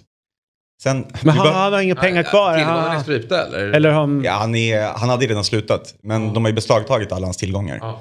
Så att han är liksom strippad på allt som har med framgångar att göra. Mm. Eh, samma sak med hans pappa. Samma sak med en annan, någon kanske minns honom från eh, till exempel EM 2000, Arif Erdem som var Ja. anfallspartner i. Eh, samma sak. Och det beror ju på att de här har varit kopplade till eh, Gülenrörelsen. Gülen, ja. Som pekas ut som de som låg bakom statskuppen i Turkiet för några år sedan. Som är gamla regeringspartners till eh, AKP-regeringen, alltså Erdogans parti. Så att Hakan Şükür har också varit parlamentsledamot för AKP. Men internt på Gülenrörelsens kvot. Så att det är egentligen eliternas kamp och Hakan Şükür som är, det är ganska känt att han faktiskt har band till den här rörelsen. Eh, ja, men har blivit person non grata på Är det en rörelse att betrakta som en eh, terroristorganisation som Erdogan säger eller är det en, en motståndsrörelse, en oppositionell organisation? Eh, alltså terrorlagstiftning, det är alltid svårt med den liksom, tekniska benämningen på saker och ting. Eh, kuppförsöket, där finns det faktiskt, jag möter ofta den så här frågan att typ, var det verkligen ett kuppförsök eller var det verkligen de som låg bakom eller är det här ett sätt för Erdogan att bara ta tillfället i akt och slå ännu hårdare mot oppositionen? Jag tror att det är båda. Jag tror att de båda hade ett finger med i spelet baserat på eh, men, undersökande journalister och personer som har följt den här rörelsen under lång tid som jag litar på som inte står nära regeringen. Eh, det tror jag är det finns där. Sen att regeringen naturligtvis, vi vet att det är en otroligt auktoritär utveckling. Det finns inget demokratiskt utrymme kvar i princip för oppositionen. Då passar man ju på att ta det här och ha den som en förevändning. Men jag skulle inte säga att det är en demokratisk opposition. Eh, vi får tänka på att det här är som sagt en rörelse som varit med och byggt upp AKP till vad det har blivit idag. Så att det är ungefär samma skrot och korn skulle jag säga. Eh, så på samma sätt som AKP är problematiska, på samma sätt som eh, Erdogan absolut inte är ett demokratiskt föredöme, en person som slänger in personer i fängelse på grund av, inte bara för att de tycker fel, utan för att de kanske har skrivit, uttryckt sig slarvigt på sociala medier till och med. Det är på den nivån. Och då räknar jag inte ens med alla de tusentals oppositionella som sitter i fängelse, alla de journalister som varje dag är rädda för att antingen få böter eller för att bli av med sina jobb. Vi kan situationen där, kurdernas situation är exakt samma sak. Eh, fort, fortsatt förtryckta. Eh, så att de tillhör samma kant. Så det är inte så att den ena sidan är bättre än den andra, det skulle inte jag säga. Men de här förlorade den maktkampen och därför hamnade Hakan Şükür. Han hade säkert blivit idrottsminister om Gülenrörelsen kom till makten på egen hand. Alltså, Är det kört för honom att äh, återvända nu så länge Erdogan sitter vid makten? Ja, eller? det skulle jag säga. Eh, och det gäller många. Möjligen om man skulle vara botgörare och regeringen skulle tycka att man hade en vinning i att liksom få över honom på sin sida. Eh, men jag tror inte att det är... Alltså han är ganska lojal. Han har varit det sedan 90-talet med den här rörelsen också. Så jag tror att det är... Men är han fortfarande stor? Alltså, han var ju en, en, en nationalikon. Ja. Är han fortfarande det att betrakta som det? Eller har de lyckats liksom svärta ner hans eftermäle nu på grund av hans politiska engagemang? Men jag tror att han har svärtat ner delvis själv också. Eh, och det börjar nog redan från när han blev politiker. Eh, för han var ingen duktig politiker heller, utan han är bara en, liksom någonting som man ställer ut för att det är en nationalidol. Men genom att göra det så har han blivit mer av en figur som man slutade ta på allvar. Eh, och därifrån till det här så tror jag att det är så här, så som man pratade om Hakan Şükür, när han till och med blev, det kan man ju slänga in liksom som en bra parentes, han också populärkulturell liksom referens i Sverige. Martin Kellerman sa ju så här, i någon i Rocky-serie, så var det så här, vad är det mer? Det ser ut som Hakan Şükür när han har gjort mål. Alltså, men, eh, bra parentes för att lätta upp. Men eh, sorgligt också när man tänker på var han är nu. Han är en föredetting. Nu tror jag att han har en YouTube-kanal där han kommenterar turkisk fotboll. Som är, har säkert tittare. Men eh, det är ingen man går runt och flaggar med. Gissar, eh, magkänslan säger att du kanske inte har din Hakan Şükür-tröja på dig när du går på match. Nej, det ska jag fan ha när jag går dit nästa gång. En helt annan fråga. När jag var liten och man såg hur Tobbe Linderoth blev mottagen på... The Golden Det- det- Chair. Ja. Ja, då tänkte man ju, men så bra är ju inte Tobias Linderoth. Nej. Är ni, är ni galna? Alltså hur mycket är det poserande? Eller liksom, hur, hur, hur mycket av det är genuint? Jag, jag, jag tyckte det var så skevt. Alltså det, han var ju inte ens... Ja. Jag såg en sån spelarmottagning, Mm. eller en video från en person som var på väg till en spelarmottagning Mm. nyligen på en flygplats. Satt på liksom, baksidan av moppen. Eh, Vråla mot kameran, han bara “Jag håller inte på Galatasaray, jag håller på Fenerbahce men jag är här för att det är kul”. så det kan ju vara den grejen Just också. det. Det är liksom festen ikväll. Eh, sitta och kolla när flighten landar och så. Men sen tror jag att, alltså, har man haft, om man haft en spelarmottagning så vill man gärna alltså, visa sin eget, sitt eget lags värvning att vi kan göra samma sak. Just det. Eh, men det är helt sinnessjukt. Det var ju samma sak när jag sett en kort dokumentär om uh, Darius Vassels liksom, korta Ja. i Turkiet. När han gick till Ankara Gücü. Helt sjukt, det är sjukaste han har varit med om också. Ja. Då har han ändå spelat i Premier League och spelat, men var hyfsat duktig i några landskamper i alla fall Absolut. i England. Så att det är lite poserande. Ja. Lite också för att folk har väldigt tråkigt om dagarna Ja. tror jag. Det blir, Ja, det, det roligaste, det här är ingen mottagning, men det roligaste statement jag har sett i, typ inom fotbollen, det är ju ändå Graham Souness. Eh, Ja. Ja, när han, eh, han tar, alltså, de har mött, jag tror att det är Fenerbahce de har mött. Eh, Och det är, det är sjukt hetsigt. Det är hetsig stämning på läktaren, det har varit hets, hetsig stämning på plan. Och liksom så här, folk med turrar kan inte hålla liksom nerverna i styr. Alltså, alla är hetsiga. Liksom. Eh. Kamerakillen står och skakar liksom bara han liksom, för att han är så förbannad. När eh, allting börjar lugna ner sig typ så här. Snuten börjar få ordning på situationen. Då ser man George eh, Gransones komma springande med en Galatasaray-flagga, stor jävla flagga. Och bara bam, på mitt plan bara sätta ner den så här, tjack. du Vet så. Och det blir ju en katalysator för rätt mycket stök sen efteråt. Yes, the Turkish Cup final of 1996, and the winning Galatasaray manager plants the club's colours on the centre circle of rival Fenerbahce's turf. That man is sitting right beside me. Brian, what on earth were you thinking? Um, we've got time for it. I don't know if we've got time for it. It wasn't. It wasn't the sort of cleverest thing I've ever done. Men den är helt galen. Den har ju också liksom, det finns en historia bakom varför det är symboliskt viktigt också. Det finns en myt om att, det kanske stämmer också, men eftersom jag inte vet så får jag väl kalla det myt. Att när eh, Osmanska riket tog över Istanbul så fanns det en fanbärare som var precis på väg att dö men satte flaggan i, ja, men efter att man hade besegrat eh, fienden och så vart det Osmanska riket då. Så det är verkligen så här, det är en markering, absolut, det förstår vem som helst. Det behöver man liksom inte den turkiska kontexten för att förstå. Men extra mycket i Turkiet när man har den bakgrunden. Då är det verkligen som att vi har besegrat er, ni kommer aldrig finnas någon mer, vi är rätt sida. Och jag tror inte han visste vad han gjorde. Alltså, Nej, men det Nå- tog hus i helvete. Nej, det borde vara, han har gjort väldigt många misstag. Det är liksom, framförallt på senare år så har han liksom fått ur sig ganska mycket grodor. Men det värsta han någonsin gjort måste vara det där. Det är liksom livsförändrande.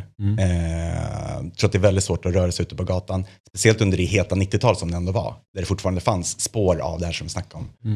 Eh, Vad följde då? Alltså hur blev det efteråt? För jag har också bara sett bilderna. Man har inte sett liksom hur om det var stelt i mötesrummen efteråt. Liksom. Jag vet faktiskt inte vad det är. Jag var själv barn då. Ja. Men det där är fortfarande referens. Men jag vet inte liksom vad som hände i direkt anslutning Nej. till det efteråt.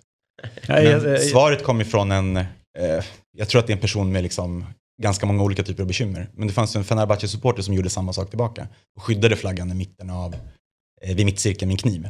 Så det där var ju liksom den typen av resultat har vi Ja. sett senare. Att det där är, nu tänker vi göra samma sak. Ja, just det. Eh, men Sunes, jag tror att man skulle kunna få en lång intervju om bara det där med honom just nu. Ja. Eh, så mycket reaktioner som det borde ha skapat. Eller som jag vet att det Viktor, det är fan ditt jobb nu. Graham Souness, vi ska intervjua honom om den där flagggrejen. det, det ska du fan lösa. Eh, all right. du, eh, vad roligt ändå att du eh, eh, tog upp 2013 där Jesper. Eh, därför att, eh, eh, vad, vad, vad hände med, med supporterkulturen efter det att de gick ut och, och liksom drog igång det här Ja. eh, supporterupproret? Det var ju, det som hände, det var att det egentligen var protester. Alltså det var miljörörelsen som startade protesterna. Men framförallt Besiktas Ultras var där väldigt tidigt. Ultras, för att använda den europeiska benämningen, Turkiet är inte den lika vanlig liksom som etikettering. Men läktarrörelser nära, eller på Besiktas läktare, syntes väldigt tidigt där. Och de syns också på första maj. De är liksom alltid där den politiska oppositionen är i princip. Så när Charcho dyker upp där, eh, då sätts det någon typ av fotbollsfärg på upproret. Så att upproret i sig är inte ett fotbollsuppror. Men man sidade med liksom, eh, miljörörelsen. Och sen så kom partierna, facken var där tidigt också. Ehm, och det som hände före, det finns en liksom, bakgrund till det. Och det är egentligen en eh, lag från 2011, eh, 62-22, som är utskälld i Turkiet på grund av vad den har gjort. Stöpt om hela läktarkulturen. För att det är där man första gången nämner eh, och lagfäster att man ska införa ett elektroniskt biljettsystem. Eh, med mer kontroll på läktarna, där man ska kunna stoppa. Det är för att stävja våldet officiellt. Men många supportrar såg det också som ett sätt att kontrollera läktarna. Och det är en liksom, trend som man har sett. Och vad var sanningen? Men sanningen är att turkiska läktare när den här lagen klubbades igenom var relativt lugna. Eh, om man inte tycker att pyroteknik är stök. Eh, jag tycker att man använder det på ett ganska ansvarsfullt sätt i Turkiet. Eller gjorde det då. Eh, nu är det mycket mindre än vad det var liksom, för 10 år sedan också. Eller 10-12 år sedan. Så tycker jag att det var overkill. Absolut. Eh, och jag tycker att det går verkligen. Den trenden kan man se i nästan alla länder där man har haft en stark supporterkultur också. Men 2013 så kommer de här protesterna. Eh, då har liksom lagen funnits i två år, man har inte implementerat alla delar av den. Och när supportrarna är så pass synliga, så pass starka, eh, så är det egentligen direkt repression mot framförallt eh, politiskt aktiva supportrar, skulle jag säga. Så att man åtalar 35 Bishtash-supportrar för kuppförsök. Eh, sen frias de och så ogillades det åtalet, eller den eh, frigivningen, så att nu är det Alltså det är ett rättsfall som fortfarande pågår. Så det finns Bishtash-supportrar. som Tio år senare typ. Tio år senare så Otroligt, är det ja. eh, rättsfall och liksom eh, processer där Besiktas-supportrar på grund av sin inblandning i de här protesterna eh, anklagas för terrorsamröre, kuppförsök, massa annat som är helt uppåt väggarna. Och säger väldigt mycket om hur, vilket, vilken frånvaro av rättssamhälle Turkiet är också.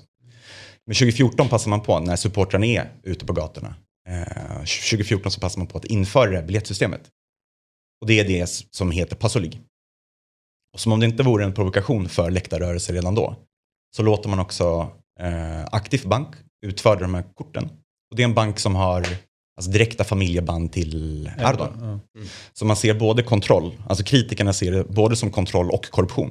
Eh, så det som händer efteråt är att för det första så är det väldigt många passiva supportrar som kanske är lata, som inte orkar registrera det här kortet, eh, som inte orkar gå igenom liksom hela den här jobbiga proceduren som man tycker, eh, av rent praktiska skäl, eh, som slutar gå. Men också att det finns en supporterprotest kring det.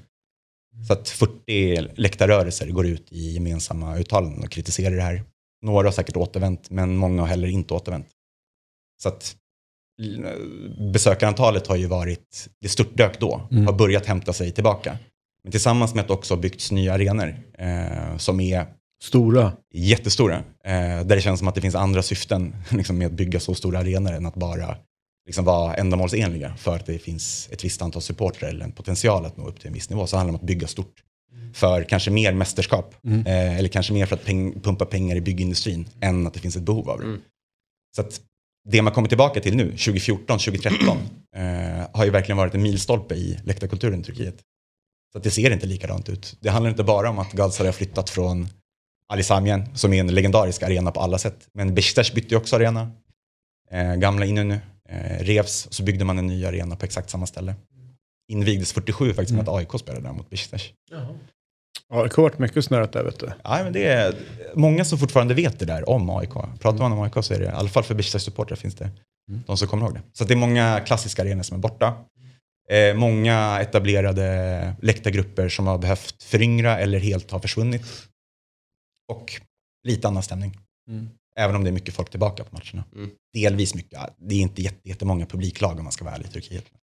Det är ju, det är Istanbullagen som är liksom det Ja, stora. liksom. några till. Ja. Trabzon har väl också en sån läktarkultur. Ankara var väldigt dött. Ja. Ankara och Gujoy är ändå, alltså de har bra klacksektion Ja. när det gäller tryck. Men annars var det ju... Nej, men det är för stora arenor Mm. och för lite intresse kring fotbollen.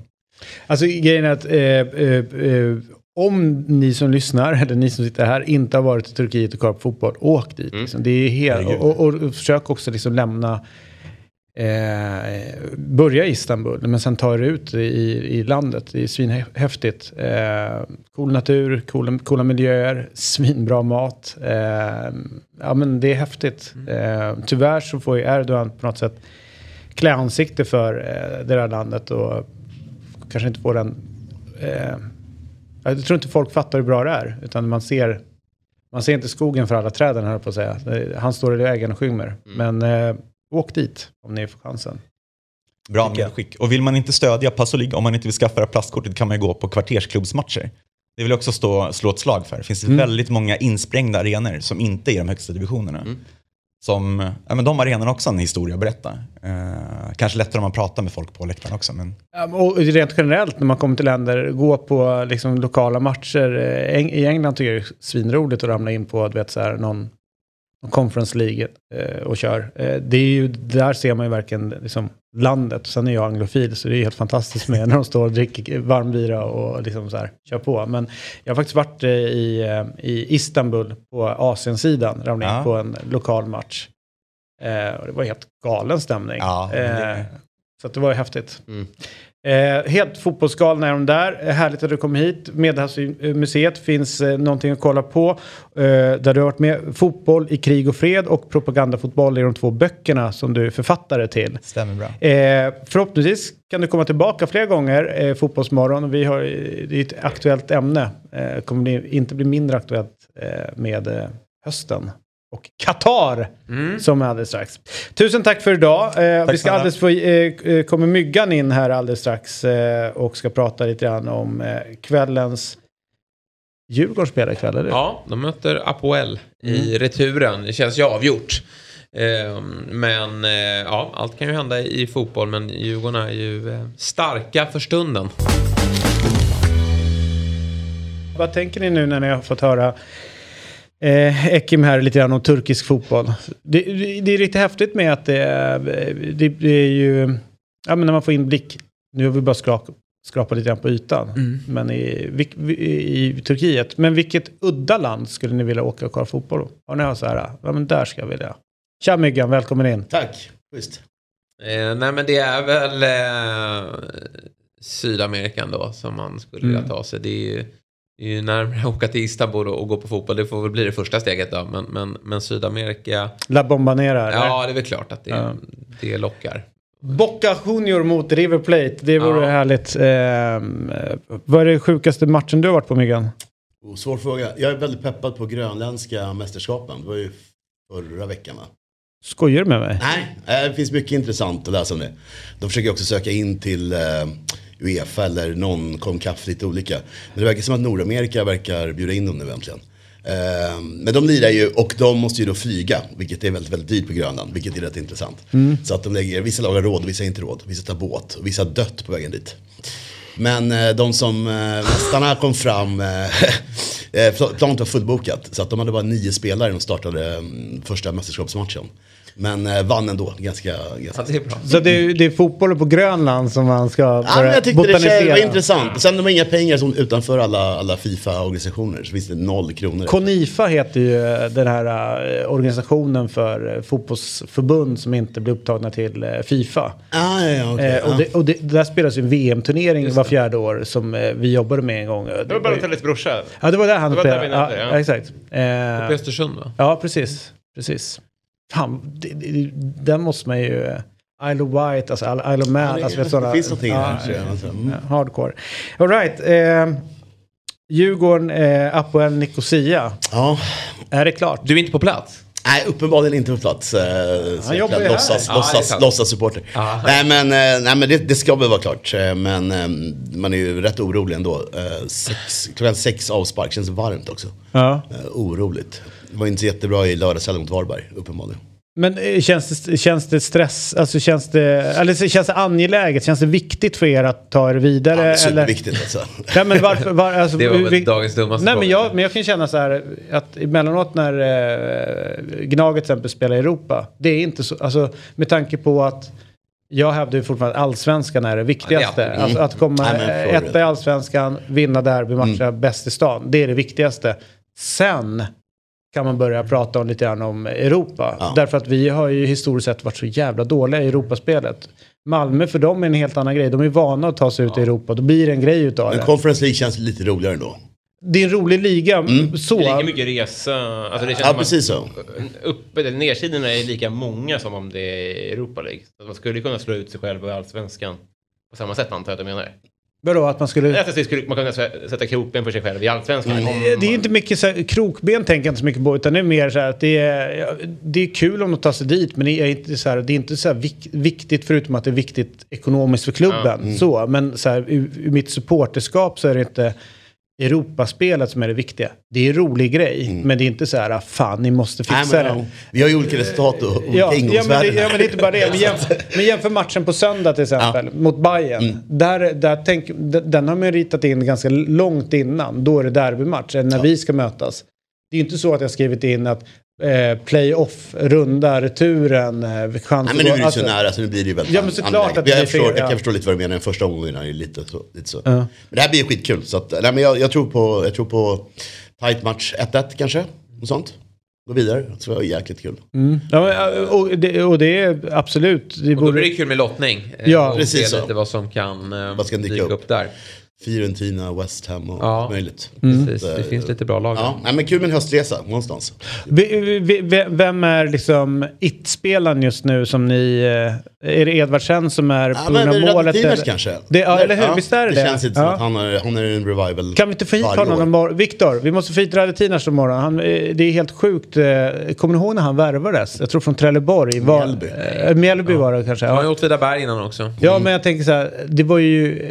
Snacka om att jobba in sig i Djurgårdshjärtan. stökig period han ja, var, alltså, det var ju- ja, under ja. liksom tiden. Och sen så här korsbandsskador. Två gånger. Och, ja, jag vet, och jobba tillbaka in. Och nu är det ju...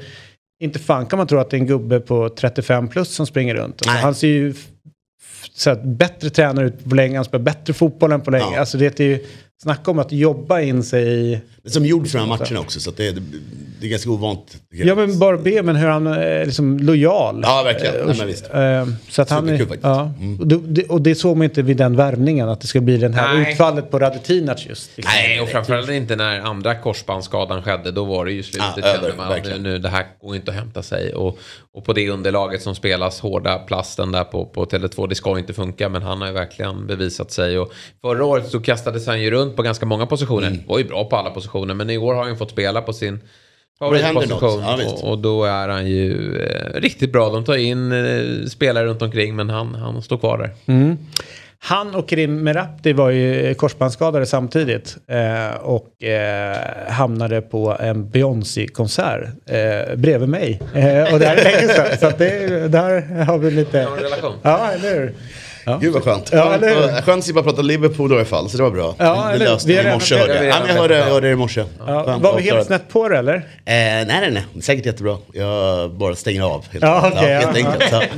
Sjuk, eh, jag vet ju till exempel att med myggan så, och jag eh, får du ändå säga, jag, jag respekterar ganska ofta liksom så här, din Det var något skad-sms Ja, ja, i och det- 40 minuten. Väldigt oväntat. Ja, och det kom igår. Därför att jag satt faktiskt och kollade med Wettergren. Ja. Och då började vi prata om det. Så här, men jag vet en som kan allt om, om Liverpool. Eh, jag eh, brukar inte höra av mig till honom när Liverpool spelar. Men i och med att du sitter här så jag, jag chansar att dra tillbaka. jag drar ett sms. Det tog ganska lång tid innan du tror svarade. att Och ganska väntat. salt svar tillbaka. Nej, men det var lite uppe i varv. Det var halvtid. Det var lite dålig stämning hemma. Så att, eh, Vill ni höra? Oerhört gärna. Ja, och så, som jag tyckte var nästan onödigt. Sen så vill inte jag skriva någonting tillbaka till honom. Att jag rätt god för då skulle du alltså. säga att jag är känslig och ja, sådana saker. Eh, Uthängd eh, till frukost där. Ja. ja, precis. Nu kör vi. Fan. Eh, där. Varför är det alltid så mycket skador i Liverpool? Valid question, eller hur? 39 minuten. Ja. Mest spelade matcher av alla eh, lag i Europa förra säsongen. Men över tid är det inte så mycket skador på... Men över tid är det inte mycket skador på klopptränarlag. Oklart, har dålig koll på andra lags skador. Men vi har nog rätt många konstant halvskadade spelare. Du får söka stöd i din tes hos, hos han holländaren på Twitter som alltid skriver om klipp, klipp, klopp, helvete. Bra svar. Precis så. Ja. Precis så. Då kände jag att eh, när, när Myggan skriver helvete i ett sms. Ja, då var det, då var det stökigt. Ja. stökigt. Men ehm, det, det var ju intressant då, om man ska vara lite eh, sore loser, att de använder den nya VAR-regeln igår. Jag vet inte om du tog upp det. Nej, det tog vi faktiskt inte upp. Nej, för det var ju fascinerande. Jag vet inte hur det var, jag såg bara på Sky, jag, jag har inte sett uh, via Jag tyckte det såg ut som offside. Ja, det, det var väl offside, men inom fem centimeter. Ja, just det. Mm, Så Ja. att det var den här helt nya regeln. Aha, så det var ju så, rätt... att, ehm, så att Rashfords mål, för jag tyckte att det var lite, det såg offside ut. ja, Och dessutom så har de ett, en eh, katastrofvinkel på den. Det går liksom inte att dra, ja, men det går inte att dra ett streck men på det är väl den. bra att de Men, släpper men den att då. ja, och då blev, Eller hur? ja, det är det som är grejen. För när de släppte den, då tänkte jag så här, fan vad skönt. Hellre fria än fälla. ja nej, men de det är väl den eh, så det ska vara nu i framtiden. Ja. Så att det är från och med i år ska det vara fem centimeter. Någon form av, av linje. Ja, ja. Eh, och Bruno Fernandes andra gula kort är också fortfarande väldigt konstigt då. Han tog bollen kan man Alltså, att, tycka. att han inte får andra gula. Väldigt underligt alltså. Och så, så riskabelt också. Att han höll på så Otroligt länge. riskabelt också. alltså. Ja. Jag hade varit rätt irriterad. Vem? Eh, Fernandes, han tog bollen vid målet. Ja, liksom. ja, ja, de höll på Det att beefa där lite. Ja. Ja, precis. Ja, Det borde ju varit ett gult kan man tycka. Men... Ja, Nej, och, jag. och framförallt Det så blev jag så här, uh, boys will be boys. Vad roligt, här står två vuxna män och bråkar om en boll. Matchen kommer då inte komma igång förrän domarna blåst. Nej, Alltså, här, Men en av boysen har ett gult kort. Det känns, alltså, det känns så jävla... Ge bollen till de Gea och låt honom hålla på och krångla. Ja, ja, ja, ja. Un- underligt valt Ja, grej. ja. Men han är väldigt uh, likable, uh, Fernandes, som han är i andra laget. Alltså, Ja, väldigt? Ja, härlig liksom. ja. Trevlig Ja. kille. Ja. Du störde dig ganska med. mycket på honom igår. Ja, Ja. ja. men verkligen. Var- Jag har ju noterat att folk som inte håller på Chelsea fullständigt hatar eh, Aspilicueta. Att Ja. de tycker att han håller på och filmar och är framme hos domaren och du vet, så Ja, lägger men jag kan, jag kan nog Ja. hans... Och- Spelar ju med mycket känsla. Ja, det är det som är Han drama queen. Ja, och när eh, jag blev uppmärksammad på det så var jag så här, ja, nu när du säger det så tror jag nog att jag hade Mm. kunnat störa mig på honom. Det är lite Sebastian Larsson över det hela. Eh, Åh fan, alltså Sebastian har man typ suttit och så här, vad fan sluta med det där jävla gestikulerandet och ge fan i domaren och alltihopa. Sen går han till Gnaget. Mm. Då tycker man det är helt okej. Det är bra att du snackar med Ja, domaren. exakt. Det är bra att du liksom vevar igång. Icke Alltså, vinnarskalle. Ja. Alltså, Han har gått, eh, han har gått liksom tvärtom för mig. Att han var ju såhär, ja men okej landslaget, det är kul för England. Ja. Ska jag ta AIK så liksom man bara... Stänga ner direkt. Ja, eller hur? Ja, visst, visst, Jävla ja. osympatiska ja, ni det går alltså. snabbt det där, Ja, eller hur? går fort, konstigt. Ja, jävligt roligt. All right, eh, vi har ju lite roliga spel va? Ja, Eh, exakt. Och eh, det, eh, det, det, det är ju tillsammans med ATG som du ska lägga de här spelen. Exakt, och från och med idag så är det då en uh, rulle, en kassa på 1000 kronor. Så jag ska lägga 10% av kassan, vilket är, ja, det blir 99 kronor. Eh, så tre stycken dubblar. Eh, Benfica vann 2-0 borta, den satte jag förra veckan. Eh, jag tror att det kan bli rätt målrikt. Benfica kanske 3-1, något sånt. Eh, Red Star, eh, Red Star Belgrade som jag läsa på engelska. Röda Stjärnan mot uh, Maccabi Haifa. Eh, blev 3-2 i Israel och jag tror på, på ännu mer mål där. Och sen Shrewsbury med massa skador eh, som möter Burnley, Vincent Companys. i Det är ligacupen det där ja. Ja precis, Eh, och Shrewsbury har inte, det är inte läge att lira, lira ligacupen just nu. Massa skador och torskade sist hemma 3-0 mot Ipswich. Burnley måste väl komma igång och börja rulla, så jag tror att de behöver göra lite mål. Så två mål för Burnley. Det är ju coolt där med Maccabi Haifa. De vann 3-2 va? Ja. Eh, Sundgren, tänk om han ska gneta sig till Champions League här Mm. eh, som 33-åring. Det är ju, eller 32 fyller han. Ser du hur Myggan sitter verkligen hoppas på det? Hoppas på målrikt. Jag hoppas på målrikt. Sundgren. Nej, det kan- Lill-Gary lite Det- Champions nej, League, han, eller han, han bråkade sig bort, han var ju härlig. Det var ju bra. Det uppskattade man ju, de rubrikerna. Han är ju min kille nu för tiden. Jag håller på honom. Ja. Ja, nej men det där, eh, det där ska jag hitta hem. Vad är det bästa matcherna vi har ikväll då? Att kolla på? Men det är väl, eh, man får ju kolla Djurgården då. Ja, det är ju sex är redan. Ja, exakt. Ja, precis. Och sen får det väl bli någon eh, av Champions League-kvalen här va? Ja, det, varför inte den här uh, Röda Stjärnan? Ja, nej, men det var ju otrolig stämning eh, redan i första mötet. Och jag räknar med att det blir minst Ännu värre ikväll. nere i Belgrad. Nej, men det får nog bli kvällens match.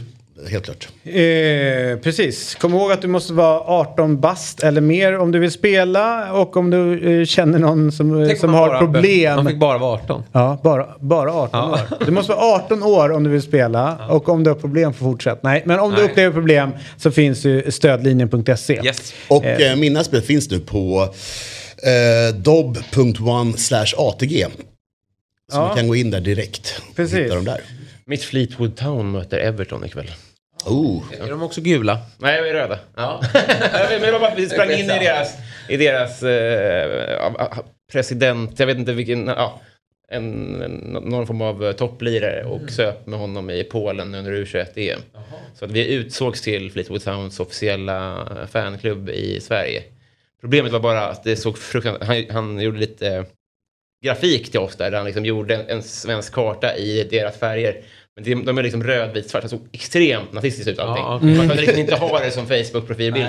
Men, men på pappret är jag då vice ordförande i... Ja, snyggt. Ja, Då håller vi en extra tumme för dem. ja exakt, exakt. Tack. Fleetwood Town. Mm. Var kommer de ifrån?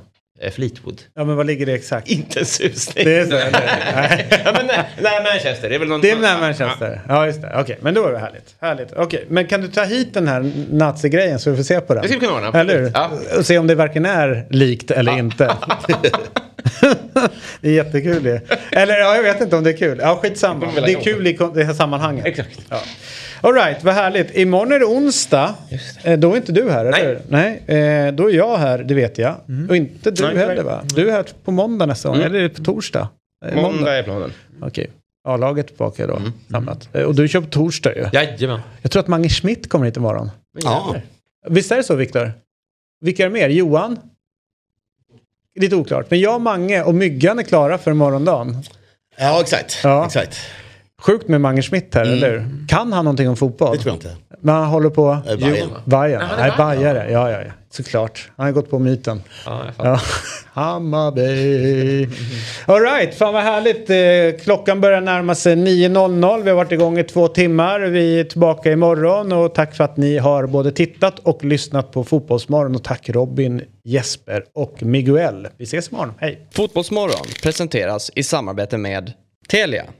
Samla sporten med alla matcher från Uefa Champions League, Allsvenskan, Superettan och SHL i ett paket. ATG. Odds på Premier League, Allsvenskan och all världens fotboll.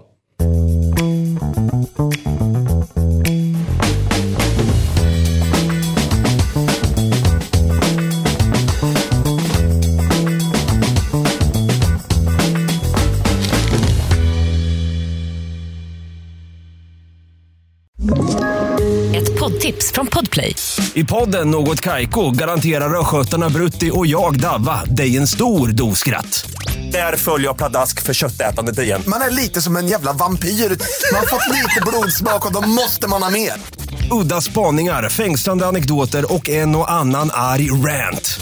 Jag måste ha mitt kaffe på morgonen för annars är jag ingen trevlig människa. Då är du ingen trevlig människa, punkt. Något Kaiko, hör du på Podplay. Därför arkadeinerna.